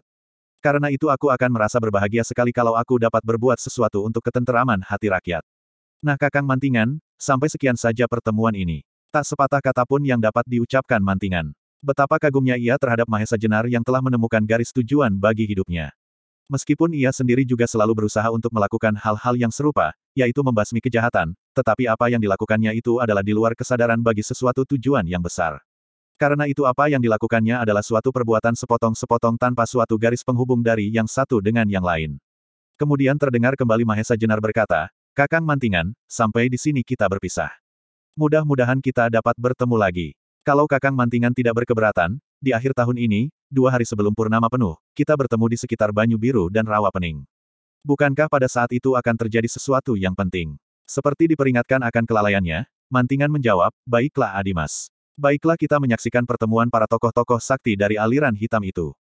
Sementara itu masih ada waktu bagiku untuk sedikit menambah pengetahuanku yang sangat picik ini. Sesudah itu aku juga akan segera kembali ke Wanakerta. Mudah-mudahan aku diizinkan oleh guruku, Ki Ageng Supit. Aku kira Ki Ageng Supit tidak akan keberatan, selama apa yang kita lakukan tidak bertentangan dengan garis kebijaksanaan negara. Nah, Kakang Mantingan, selamat tinggal. Salamku buat Ki Asem Gede dan Demang Penanggalan. Dengan perasaan yang sangat berat Mantingan melepas Mahesa Jenar pergi. Sebenarnya Mahesa Jenar pun merasa betapa beratnya meninggalkan daerah ini, meskipun ia mengalami banyak hal yang tak menyenangkan. Tetapi justru karena itu ia akan tetap terkenang pada sahabat-sahabatnya, di mana ia sendiri sedang mengalami kesulitan. Oh, V. Kini kembali Mahesa Jenar dengan pengembaraannya. Mula-mula ia berjalan menyusur jalan yang dilaluinya ketika ia mengikuti Ki Asem Gede. Tetapi ia tidak mau terus sampai ke Prambanan. Karena itu, ketika jalan ini akan memasuki Belukar, ia mengambil jurusan lain. Ia memilih jalan yang membelok ke barat, menyeberangi Sungai Opak. Meskipun ia sama sekali belum mengenal daerah yang dilaluinya, tetapi sedikit banyak ia mengenal ilmu perbintangan yang diharapkan dapat menuntunnya ke arah yang dikehendaki. Demikianlah Mahesa Jenar sebagai seorang perantau berjalan dari desa ke desa, dari kademangan yang satu ke kademangan yang lain. Dilewatinya desa-desa Semboyan, Kalimati, Temu Agal, terus ke selatan, lewat daerah Silempu dan Cupu Watu. Terus kembali membelok ke barat tanpa berhenti. Maka pada saat Fajar menyingsing sampailah Mahesa Jenar ke depan mulut hutan yang lebat, yang terkenal dengan nama alas tambak baya. Sampai daerah ini Mahesa Jenar berhenti sejenak. Dipandanginya hutan lebat yang terbentang di hadapannya. Meskipun hutan itu tidak begitu besar, tetapi sangat berbahaya. Di dalamnya bersarang banyak jenis binatang berbisa. Karena itu jarang orang yang lewat. Sebab kecuali binatang-binatang berbisa yang dengan sekali sengat dapat membunuh seseorang, juga di dalam hutan itu banyak bersarang penyamun-penyamun dan perampok-perampok. Hanya rombongan yang agak besar dengan kawalan yang kuat sajalah yang berani menyeberangi hutan ini. Kebanyakan mereka adalah pedagang-pedagang dari pesisir utara yang membawa barang-barang untuk dipertukarkan dengan hasil-hasil hutan. Tetapi meskipun rombongan-rombongan itu telah menyewa beberapa orang pengawal yang dianggapnya kuat, namun tidak jarang di antara mereka yang tak berhasil keluar lagi dari hutan ini. Pada saat nama Lawa Ijo sedang cemerlang beberapa saat yang lalu, daerah ini pun merupakan daerah pengaruhnya. Tetapi tiba-tiba ia seakan-akan menarik diri dan melepaskan semua hak-haknya atas beberapa daerah. Ternyata apa yang dilakukan oleh Lawa Ijo adalah memusatkan perhatian dan waktunya untuk memperebutkan dan menemukan pusaka-pusaka Kiai Naga Sasra dan Kiai Sabuk Inten, di samping persiapan-persiapan untuk menghadapi pertemuan puncak dari tokoh-tokoh sakti aliran hitam. Karena itu timbullah kesan seakan-akan kekosongan pemerintahan di wilayah pengaruh Lawa Ijo. Penjahat-penjahat kecil yang semula harus tunduk pada setiap peraturan yang dibuat oleh Lawa Ijo, sekarang merasa bebas dan dapat berbuat sekehendak hati mereka. Tidak jarang terjadi bentrokan-bentrokan dan pertempuran-pertempuran antara satu golongan dengan golongan yang lain, untuk memperebutkan rezeki. Demikianlah kira-kira isi hutan lebat yang bernama Tambak Baya, yang sebenarnya hanya merupakan anak dari induk hutan yang lebih besar dan dahsyat, yaitu alas mentaok. Tetapi, meskipun seakan-akan Lawa Ijo telah menghentikan sebagian besar dari kegiatannya, namun tak segolongan pun dari para penjahat kecil yang berani melakukan pekerjaannya di hutan induk yang lebat ketat itu. Sebab bagaimanapun, mereka masih menghormati pusat kebesaran kerajaan Lawa Ijo. Sementara itu Mahesa Jenar masih tegak memandang kehijauan hutan di hadapannya, yang berkilat-kilat terkena cahaya matahari, karena pantulan embun pagi yang sedang mulai menguap. Dalam keheningan udara pagi, hutan itu tampaknya seakan-akan tubuh raksasa yang sedang terbujur lelap. Mengerikan. Untuk menyeberangi hutan itu Mahesa Jenar memerlukan waktu beberapa hari, sampai dijumpainya pedesaan kecil di daerah Pliridan. Sesudah itu ia akan sampai ke bagian hutan yang bernama Beringan dan di bagian selatan yang penuh dengan rawa-rawa, bernama Pecetokan. Untuk melampaui kedua daerah ini pun diperlukannya waktu beberapa hari pula. Kalau ia ingin menemui padukuhan, ia harus menyusup ke selatan, ke daerah Ngelipura dan Mangir. Mengingat itu semua, Mahesa Jenar merasa perlu untuk mendapat bekal makanan secukupnya. Maka sebelum memasuki hutan itu diperlukannya untuk singgah di pedukuhan yang terdekat untuk membeli bahan makanan sekadarnya. Di samping itu ia mengharap pula bahwa di dalam hutan itu pun akan tersedia bahan makanan, terutama daging. Di sebuah gardu di tepi sebuah desa, dilihatnya banyak orang sedang berjualan. Rupanya gardu itu merupakan tempat berkumpul bagi mereka yang akan menyeberangi hutan. Mereka menunggu sampai jumlah yang cukup, kemudian bersama-sama mengupah beberapa orang yang kuat untuk mengawal mereka sampai ke Ngelipura, Mangir atau daerah Begelen di seberang hutan Mentauk setelah melintasi pegunungan Manoreh. Lalu lintas ini mulai ramai kembali sejak Lawa Ijo melepaskan beberapa daerah pengaruhnya. Sedangkan terhadap perampokan-perampokan kecil, para pengawal bersama-sama para pedagang dalam jumlah yang cukup besar, merasa mampu untuk menandingi perampok-perampok itu. Di antara mereka yang berkumpul di situ terdapat beberapa orang saudagar, beberapa orang yang barangkali akan mengunjungi sanak saudara di tempat yang jauh. Mereka semua menyandang senjata. Ada yang membawa tombak, kapak, pedang yang berjuntai di pinggang, keris, dan sebagainya. Yang menarik perhatian Mahesa Jenar, di antara mereka ada seorang gadis yang cantik. Menilik pakaiannya, ia pasti termasuk salah seorang dari keluarga yang cukup. Tetapi melihat wajahnya, tampaklah betapa suram dan sayu. Mungkin ada sesuatu masalah yang memaksanya untuk melawat demikian jauhnya sehingga terpaksa harus menyeberangi hutan tambak baya. Selain gadis itu, Mahesa Jenar juga tertarik kepada seorang muda yang berwajah tampan dan bersih. Umurnya tak banyak terpaut dengan umurnya sendiri. Pemuda itu berpakaian rapi seperti seorang pedagang kaya. Kainnya lurik berwarna cerah, sedangkan bajunya agak gelap berkotak-kotak. Dari celah-celah bajunya tampaklah timang emasnya berteretes intan. Serasi benar dengan kulitnya yang kuning bersih. Namun agaknya ia terlalu berani dengan menonjolkan kekayaannya melewati daerah yang berbahaya itu. Kedatangan Mahesa Jenar di antara mereka sama sekali tidak menarik perhatian. Baik bagi mereka yang akan mengadakan perjalanan maupun para pengawal yang tampaknya telah siap. Sebab, keadaan Mahesa Jenar dengan pakaiannya yang kusut serta janggut dan kumisnya yang serba tak teratur itu, tampak seperti seorang perantau yang biasanya memang mencari kesempatan untuk dapat berbareng dengan rombongan-rombongan yang demikian. Para pengawal sudah sering melihat hal yang serupa. Dan dari para perantau semacam ini sama sekali tak dapat diharap untuk menambah upah mereka. Tetapi karena biasanya para perantau itu tidak pernah mengganggu, maka para pengawal pun tak pernah merasa keberatan, malahan hampir tak peduli. Bahkan dari para perantau ini dapat pula diambil keuntungannya, dengan menambah jumlah orang dalam rombongan itu, yang juga berarti menambah satu tenaga apabila sesuatu terjadi. Mula-mula Mahesa Jenar sama sekali tak menaruh perhatian atas rombongan itu, sebab ia tidak mempunyai kepentingan apa-apa. Tetapi karena di antara orang-orang itu agaknya ada yang menarik perhatiannya, maka ia pun mencoba untuk mendekati mereka dengan berpura-pura membeli beberapa macam makanan. Semakin dekat semakin jelaslah kedukaan yang menggores di wajah gadis cantik itu. Menurut dugaan Mahesa Jenar, gadis itu umurnya berkisar di antara 20 tahun. Menilik sikap, Kata-kata dan beberapa gerak-geriknya, gadis itu adalah gadis yang manja. Tetapi karena itu pula lah maka Mahesa Jenar menjadi bertambah heran. Mengapa gadis manja ini menempuh perjalanan yang berbahaya? Pada saat itu Mahesa Jenar masih belum tahu, apakah gadis itu mempunyai kawan seperjalanan di antara rombongan itu. Sedangkan pemuda tampan itu pun semakin menarik perhatiannya pula. Meskipun pemuda itu berwajah tampan dan bersih serta bersikap sopan, tetapi ketika Mahesa Jenar sempat memandang matanya, ia menjadi curiga. Mata yang redup dan selalu bergerak-gerak bukanlah mata orang baik-baik. Bibirnya yang tipis dan selalu menyungging senyum yang aneh itu pun telah menyatakan bahwa ia mempunyai sifat yang tidak berterus terang dan meremehkan orang lain. Karena itulah maka Mahesa Jenar kemudian membatalkan niatnya untuk mendahului rombongan itu. Ia merasa tertarik untuk mengikuti iring-iringan itu. Ketajaman perasaannya mengatakan bahwa ada hal yang tidak wajar pada pemuda tampan itu. Ternyata Mahesa Jenar tidak perlu menunggu lama, sebab sebentar kemudian terdengarlah aba-aba dari pimpinan pengawal yang sudah setengah umur untuk menyiapkan kawan-kawannya yang terdiri dari kira-kira sepuluh orang, untuk segera berangkat, mumpung hari masih pagi. Semakin curigalah Mahesa Jenar terhadap pemuda itu, karena kemudian tampak sikapnya yang semakin sopan berlebih-lebihan. Dengan sangat cekatan ia membantu kawan-kawan dalam rombongan itu, terutama gadis cantik yang juga menarik perhatian Mahesa Jenar itu. Sebentar kemudian siaplah semuanya. Beberapa orang pengawal membawa beban masing-masing, di samping senjata mereka. Dan hampir setiap orang dalam rombongan itu membawa bungkusan besar dan kecil. Tetapi tidak demikianlah pemuda itu. Kecuali pakaian yang melekat di tubuhnya, tak sehelai benang pun dibawanya. Namun di tangannya tergenggam sebatang tongkat yang agak panjang, berwarna hitam mengkilap. Kembali terdengar pemimpin rombongan itu memberikan aba-aba. Sesaat kemudian mulailah iring-iringan itu bergerak. Jumlah orang yang ikut serta dalam rombongan itu, kecuali para pengawal, kira-kira berjumlah 25 orang. Di antaranya hanya terdapat tiga orang wanita. Dua di antaranya berjalan dengan suami masing-masing. Sedangkan gadis cantik yang menarik perhatian Mahesa Jenar, ternyata hanya seorang diri. Mahesa Jenar segera mengikuti rombongan itu. Dan dengan tidak diduganya sama sekali, seorang wanita yang berjalan dengan suaminya, memanggilnya.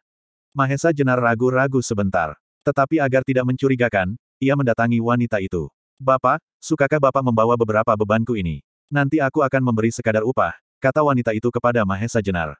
Mahesa Jenar bimbang sebentar, hatinya menjadi geli. Atau barangkali kau mau menentukan berapa besarnya upah yang kau minta. Sambung suaminya. Cepat-cepat Mahesa Jenar membungkuk hormat. Lalu jawabnya, ah, terserahlah kepada Tuan. Berapapun besarnya upah yang akan Tuan berikan, pasti akan sangat menyenangkan. Dengan demikian aku akan dapat membeli sekadar oleh-oleh buat anak-anakku.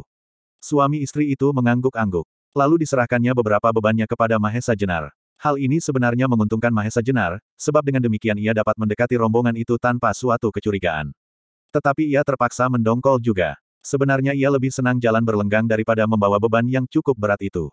Meskipun sebenarnya Mahesa Jenar bertubuh kuat, namun ia pun harus berpura-pura merasa berat pula.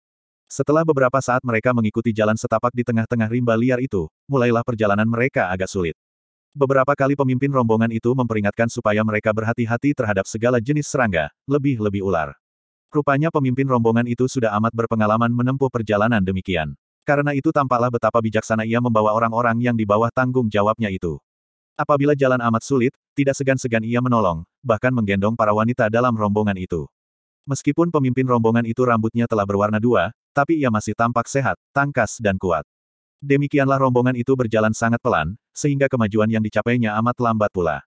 Pada hari itu, perjalanan tak menemui gangguan apa pun. Ketika matahari hampir terbenam, segera pemimpin rombongan memerintahkan tiga orang pengawal berpencar untuk mendapatkan tempat berkemah yang aman.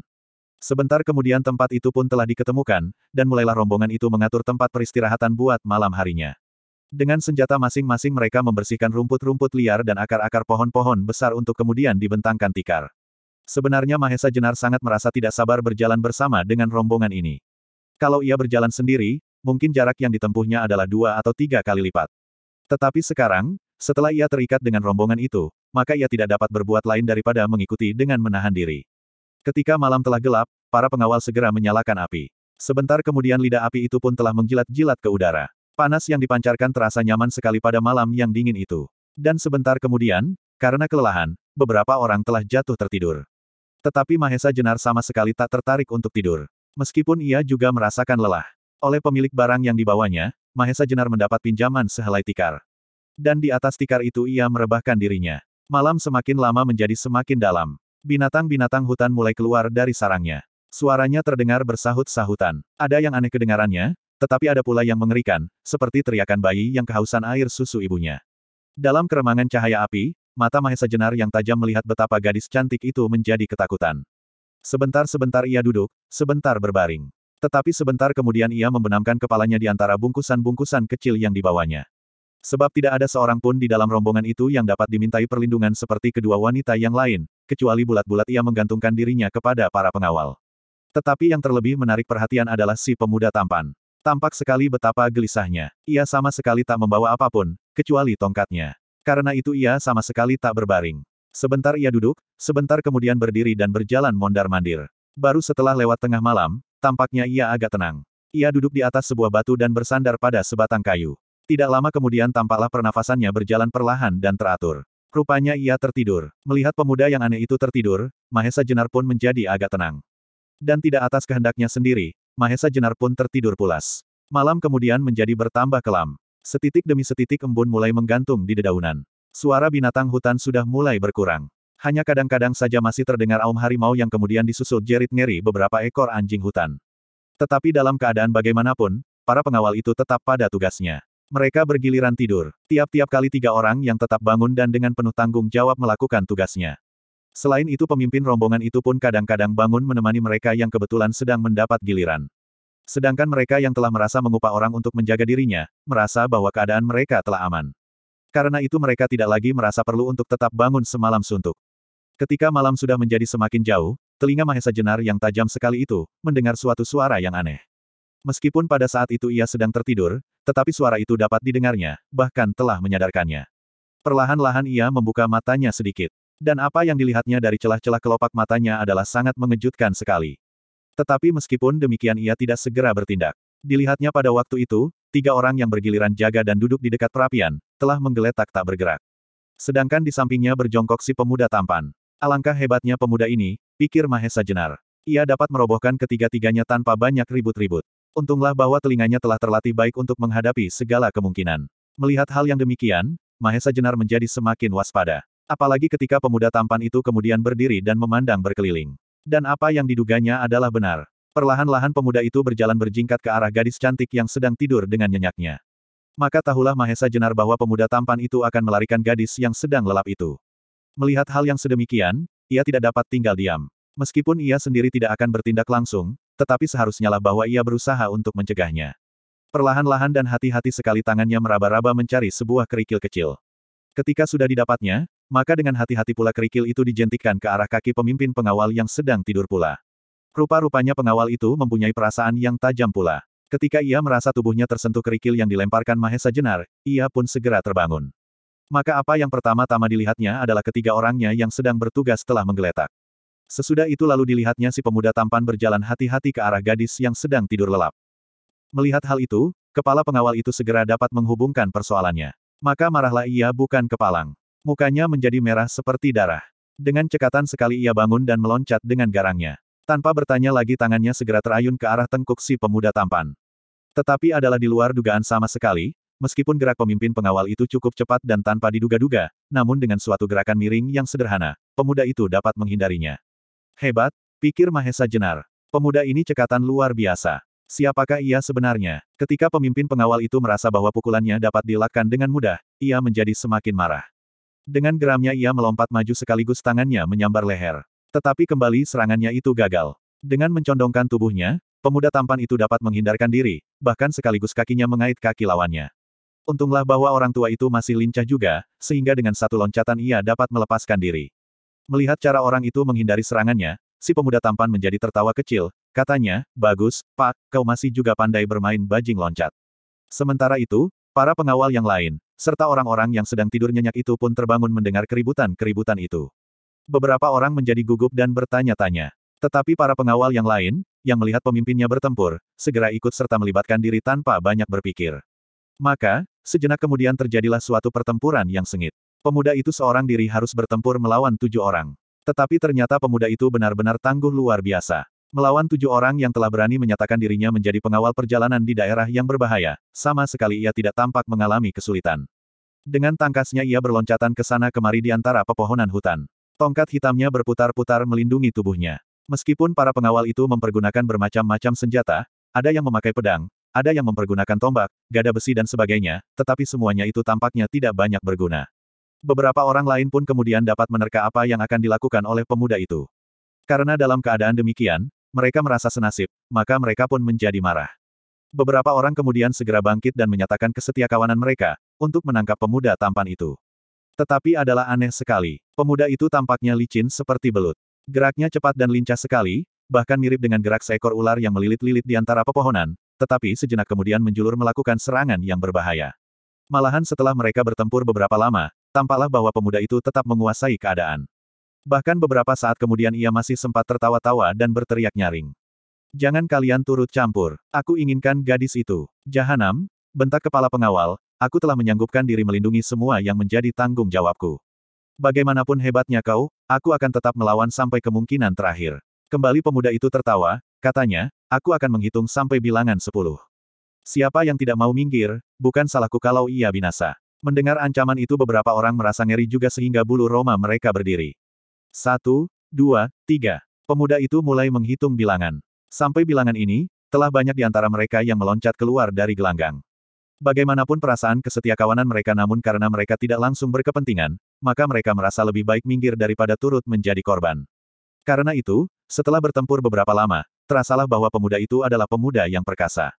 Sampai bilangan ketujuh, tak ada lagi seorang pun yang berani membantu ketujuh pengawal yang sedang bertempur mati-matian itu. Sehingga pertempuran itu semakin nampak berat sebelah. Tetapi dalam pada itu Mahesa Jenar merasa kagum dan hormat kepada ketujuh pengawal itu, yang tidak lagi menghiraukan keselamatan diri mereka dalam melakukan kewajiban.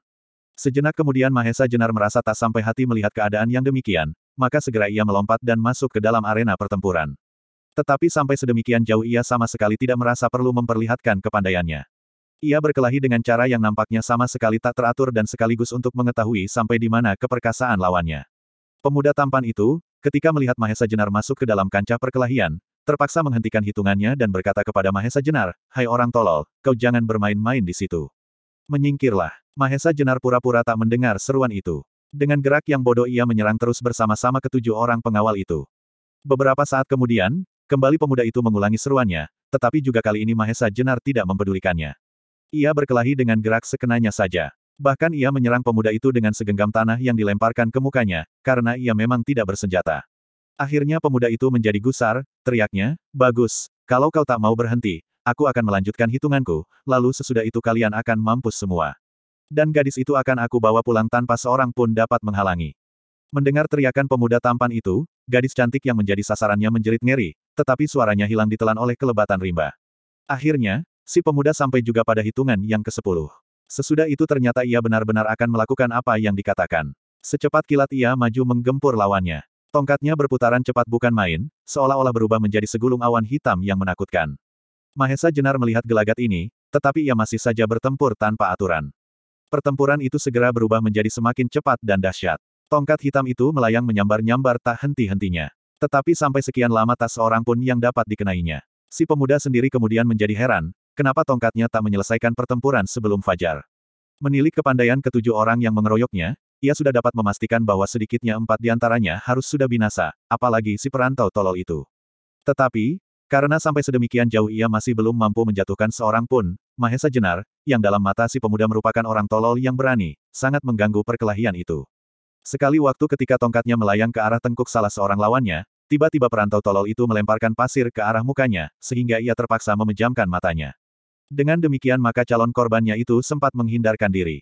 Pada saat lain, ketika hampir saja tongkatnya berhasil menyodok leher, si pemuda tolol itu kakinya terantuk batu, sehingga jatuh tertelungkup menimpa lawan yang hampir binasa itu. Dengan demikian mereka jatuh bergulingan. Dan juga kali ini tongkatnya tak menemukan sasaran. Si pemuda akhirnya marah kepada Mahesa Jenar, geramnya, Hai orang tolol. Jangan berbuat gila di sini. Kalau kau tak mau lekas minggir, kau pun akan kubinasakan. Bahkan kaulah yang pertama-tama akan mengalami nasib jelek. Mendengar seruan itu, sadarlah Mahesa Jenar bahwa pemuda itu sudah benar-benar marah.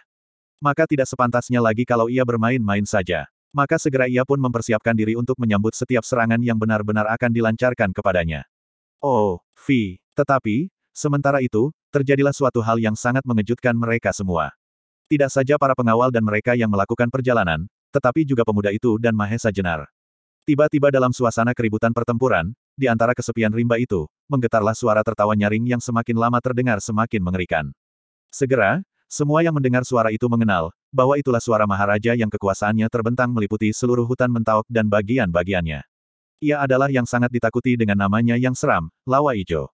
Bahkan kali ini suara tertawa itu sedemikian mengerikan, seperti memenuhi seluruh rimba dan mengepung mereka dari segala penjuru. Demikian hebatnya pengaruh suara tertawa itu, seperti mengguncang-guncang dada. Sehingga arahnya pun tak dapat diketahui dari manakah sumber suara itu. Beberapa orang menjadi bingung dan ketakutan, bahkan ada yang menjadi lemas dan hampir pingsan. Tidak ketinggalan para pengawal pun segera nampak sangat cemas. Sebab munculnya lawa ijo setelah beberapa lama lenyap itu, adalah sangat tiba-tiba dan tak disangka-sangka. Mahesa Jenar yang mempunyai telinga sangat tajam, dengan saksama memperhatikan suara itu. Meskipun perlahan-lahan, akhirnya dapat diketahui dari manakah asalnya. Tetapi rupanya pemuda tampan itu pun bukan orang biasa. Pendengarannya ternyata sangat tajam. Untuk mengetahui arah suara itu, diangkatnya wajah. Meskipun tidak secepat Mahesa Jenar, ia pun akhirnya dapat mengetahui sumber suara itu. Maka segera ia pun bersiaga menghadap ke arah suara itu, sambil berteriak. Hai Lawa Ijo, kau jangan main gila di hadapanku. Ayo keluarlah dari sarangmu. Apakah yang sebenarnya kau kehendaki dengan memperdengarkan suara tertawamu yang memuakkan itu? Mendengar seruan pemuda itu, semua orang, termasuk Mahesa Jenar, menjadi bertanya-tanya dalam hati. Siapakah dia, yang telah berani menantang Lawa Ijo ini? Sementara itu suara tertawa Lawa Ijo pun semakin lama semakin surut, dan akhirnya mereka dikejutkan oleh sebuah bayangan yang melayang turun dari dahan yang cukup tinggi. Tetapi yang sama sekali tak diduga-duga, kecuali oleh Mahesa Jenar dan pemuda tampan itu, ternyata lawa ijo bertengger di atas dahan yang hanya berjarak tidak lebih dari 20 depa dengan mereka. Samar-samar oleh cahaya api yang masih menyala, tampaklah bahwa lawa ijo pun sebenarnya masih muda. Usianya tidak juga terpaut banyak dengan pemuda tampan itu maupun dengan Mahesa Jenar. Tubuhnya kekar kuat, matanya hitam mengkilat memancarkan sinar kekejaman dan kebengisan. Sedangkan di bawah hidungnya melekatlah kumis yang lebat hitam melintang menyeramkan. Meskipun pada saat itu Lawa Ijo tersenyum, tetapi senyumnya sama sekali tidak menambah manis wajahnya, bahkan beberapa orang yang melihatnya menjadi gemetar ketakutan, seakan-akan melihat senyuman malaikat pencabut nyawa yang berhasil melakukan tugasnya dengan baik. Perlahan-lahan, setapak demi setapak, Lawa Ijo berjalan mendekati pemuda tampan itu. Di pinggangnya membelit kain berwarna putih dengan lukisan hijau di atasnya. Pastilah itu gambar yang menyeramkan. Kelelawar dengan kepala serigala, sedangkan di tangan kanannya tergenggam sebilah pisau belati panjang. Ternyata pemuda tampan itu sama sekali tidak gentar. Meskipun demikian ia tidak mau merendahkan lawa ijo. Tangannya segera memutar tongkat hitamnya, dan tiba-tiba dari dalamnya ia mencabut sebilah pedang kecil yang lentur. Melihat hal itu lawa ijo tertawa, tetapi kali ini tertawanya pendek. Katanya, ular laut gila, kau jangan main gagah-gagahan di daerah ini. Mendengar kata-kata lawa ijo, sekali lagi Mahesa Jenar terkejut. Pikirnya, inilah agaknya yang disebut samparan dengan panggilan ular laut yang memiliki wajah tampan dan bernama Jakasoka. Karena itulah maka dengan enaknya ia dapat melawan tujuh orang, bahkan lebih dari itu. Dan dengan beraninya pula ia menantang Lawa Ijo. Mendengar ucapan Lawa Ijo, Jaka Soka sama sekali tidak menjadi takut. Malahan kembali bibirnya yang tipis itu menyungging senyum aneh. Jawabnya, daerah inikah yang kau maksud? Jaka Soka, sambung Lawa Ijo, kau jangan mencari perkara. Kau tahu bahwa seluruh hutan Mentaok dan bagian-bagiannya serta segala isinya adalah daerah wewenangku. Hem, Jaka Soka bergumam, telah berapa bulan atau berapa tahun kau merendam diri di sarangmu? Dan tahu-tahu sekarang masih mengatakan daerah ini daerah wewenangmu. Lawa Ijo, menurut pikiranku daerah ini sekarang merupakan daerah tak bertuan. Kau jangan mengigau Soka, aku belum pernah melepaskan hak yang pernah aku miliki. Kalau beberapa waktu terakhir aku tidak pernah berbuat sesuatu, itu bukannya aku tak lagi berwenang di daerah ini. Hanya saja, dalam waktu-waktu itu aku tak merasa perlu untuk berbuat apa-apa. Anggapanmu bahwa daerah ini daerah tak bertuan itu sama sekali salah, selama aku masih bernafas. Nah sekarang tinggalkan daerah ini. Jaka Soka sama sekali tak terpengaruh oleh kata-kata Lawa Ijo itu. Bahkan kemudian ia tertawa kecil. Jawabnya, Lawa Ijo, kau jangan berlagak seperti seorang yang paling berkuasa. Apa dasarmu kau berani memerintah aku untuk meninggalkan daerah ini? Kau masih belum menunjukkan bahwa kau memiliki sepasang pusaka Kiai Naga Sasra dan Kiai Sabuk Inten. Juga belum pasti bahwa kau akan berhasil memenangkan semua pertandingan yang akan kami selenggarakan akhir tahun ini. Jadi pada saat ini kau dan aku masih belum mempunyai sangkut paut apa pun juga. Lawa Ijo menarik alisnya yang tebal itu tinggi-tinggi sambil mengangguk-angguk. Kemudian katanya, lalu bagaimana seharusnya? Jawab Jaka Soka, seharusnya kau tak usah mengganggu aku. Tetapi kalau kau tetap tak menghendaki aku melakukan perbuatan-perbuatan di daerah ini, seharusnya kau paksa aku pergi. Kembali Lawa Ijo tertawa pendek. Katanya, kau masih seperti masa-masa lampau. Setelah kau capai tingkatmu yang hampir sempurna sekarang ini, seharusnya kau tak lagi banyak bernafsu untuk berkelahi. Dan apakah artinya pertempuran di antara kita? Beberapa waktu yang lampau kita pernah berkelahi sampai beberapa hari. Dan tidak seorang pun dari kita yang kalah. Kalau pada saat ini kami kembali bertempur, menurut pendapatku hasilnya akan sama saja. Karena itu baiklah kita hormati persetujuan yang pernah kita buat mengenai daerah kerja kita masing-masing. Jaka Soka menjadi berbimbang hati. Dahinya berkerut dan otaknya berputar cepat. Melihat Jaka Soka ragu, Lawa Ijo menambahkan, atau kalau kau merasa tidak perlu lagi dengan persetujuan itu, baiklah dihapus saja sama sekali. Aku tak keberatan kau melakukan kegiatan di wilayah ini, tetapi kau jangan menyalahkan aku kalau aku akan melakukan kegiatan di Nusa Kambangan dan di lautan. Sebab aku pun pernah menjadi bajak laut pada usia 14 tahun. Dahi Jaka Soka semakin berkerut. Dan akhirnya pecahlah tertawanya. Katanya, memang, kau penjahat tak tanggung-tanggung lawa ijo. Baiklah kalau demikian aku mengalah, tetapi... Jaka Soka berhenti berbicara, tetapi matanya merayap kepada gadis cantik yang duduk gemetar dan ketakutan. Lawa Ijo pun mengerti maksud Jaka Soka. Sahutnya sambil tersenyum, Soka, ke mana kau pergi, selalu kau bawa pulang gadis-gadis. Apakah sarangmu masih belum penuh? Jaka Soka tertawa lirih, jawabnya, alangkah bodohnya kau. Nusa Kambangan cukup luas untuk menampung semua gadis dari Pulau Jawa ini. Dan atas gadis ini kau tidak keberatan. Mendengar percakapan mereka, gadis itu menjadi semakin ketakutan. Tubuhnya menggigil dan keringat dingin telah membasahi tubuhnya. Sekarang di hadapan kedua penjahat terkenal itu, rombongan yang berjumlah sepuluh orang dengan mereka yang telah tersadar dari pingsannya pun tidak mungkin dapat menghalangi maksud ular laut yang gila itu. Meskipun orang-orang lain juga merasa ketakutan dan ngeri, tetapi sebesar-besarnya mereka hanya harus menyerahkan barang-barang mereka. Tetapi gadis itu harus menyerahkan dirinya. Satu-satunya harapan baginya adalah kalau Lawa Ijo tetap pada pendiriannya, melarang Jaka Soka berbuat sesuatu di daerah ini. Sebab Lawa Ijo sendiri, menurut berita yang tersiar, tak pernah menculik atau menghendaki seorang gadis. Tetapi, alangkah kecewanya gadis itu, bahkan hampir saja ia jatuh pingsan ketika didengarnya Lawa Ijo berkata sambil tertawa pendek, Jaka Soka, sebenarnya aku sama sekali tak mengubah pendirianku. Tetapi sebagai seorang sahabat, baiklah aku hadiahkan gadis itu kepadamu. Aku sama sekali tak berkepentingan dengannya, sebab aku mempunyai kepentingan lain. Mendengar jawaban Lawa Ijo, Jaka Soka menjadi gembira sekali. Katanya, Lawa Ijo, memang hanya itulah yang sebenarnya aku kehendaki dari rombongan ini. Hanya barangkali kau anggap aku bersalah, bahwa aku tidak minta izinmu dahulu. Nah, sekarang kau telah mengizinkan. Sekali lagi Lawa Ijo tertawa. Terserahlah kepadamu, Soka, katanya. Mendengar keputusan Lawa Ijo, gadis itu semakin putus asa. Tak ada lagi harapan baginya untuk melepaskan diri dari tangan penjahat itu. Mahesa Jenar selalu memperhatikan perkembangan keadaan dengan cermat. Ia dihadapkan pada satu persoalan yang juga cukup rumit. Di sini, tanpa diduga-duga ia telah bertemu dengan Lawa Ijo yang sengaja akan dicarinya. Tetapi di sini juga, ada seorang yang dapat mengganggu pertemuan itu. Yaitu Jaka Soka yang ternyata mempunyai kekuatan seimbang dengan Lawa Ijo. Kalau pada saat itu Mahesa Jenar membuat perhitungan dengan Lawa Ijo, ia sendiri belum tahu pasti siapakah yang akan menang. Apalagi kalau kemudian Jaka Soka ikut campur, maka masalahnya akan merugikan. Menurut perhitungan Mahesa Jenar, melawan dua orang adalah pekerjaan yang berat sekali, bahkan mungkin di luar kuasanya. Tetapi, di luar itu ia menghadapi soal baru. Jaka Soka menghendaki untuk membawa gadis itu pulang ke Nusa Kambangan. Apakah hal yang demikian dan berlangsung di bawah hidungnya akan dibiarkan saja? Andaikan ia bertindak, dalam hal ini pun ada kemungkinan ia terlibat dalam pertempuran melawan kedua orang itu. Sebagai seorang prajurit pilihan, Mahesa Jenar sama sekali tidak mengenal takut. Kalau ia sampai berpikir demikian, masalahnya adalah atas dasar perhitungan cara dan bagaimana untuk mencapai maksudnya. Selagi Mahesa Jenar sibuk berpikir, Jaka Soka dengan matanya yang redup dan senyum aneh yang menghiasi bibirnya yang tipis, telah mulai bergerak dan berjalan perlahan-lahan ke arah gadis cantik itu. Sementara itu Lawa Ijo berteriak bergurau, Jaka Soka, sebenarnya aku iri hati melihat ketampanan wajahmu. Tetapi kau rupanya adalah seorang tampan yang sial. Sebab gadis-gadis yang kau kehendaki menjadi pingsan kegirangan, karena akan mendapat pasangan yang setampan kau ini. Jaka Soka sama sekali tak mendengar perkataan lawa ijo itu. Ia sedang kegirangan akan mendapat gadis yang demikian cantiknya, melebihi semua gadis yang pernah dilihatnya.